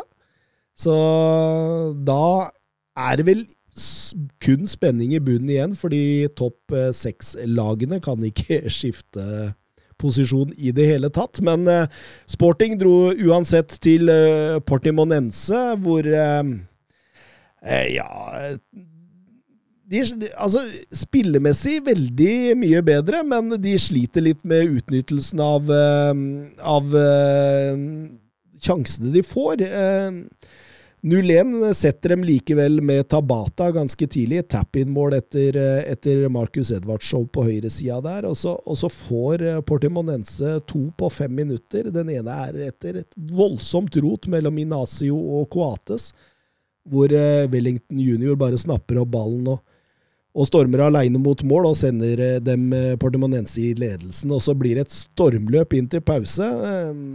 Portimonense klarer å holde dette.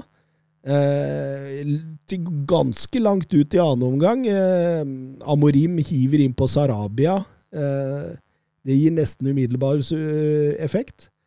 2-2 Pablo Sarabia etter 70, og 2-3 Pablo Sarabia etter 76. Og da har eh, Sporting eh, snudd det og tar en velt fortjent eh, seier også.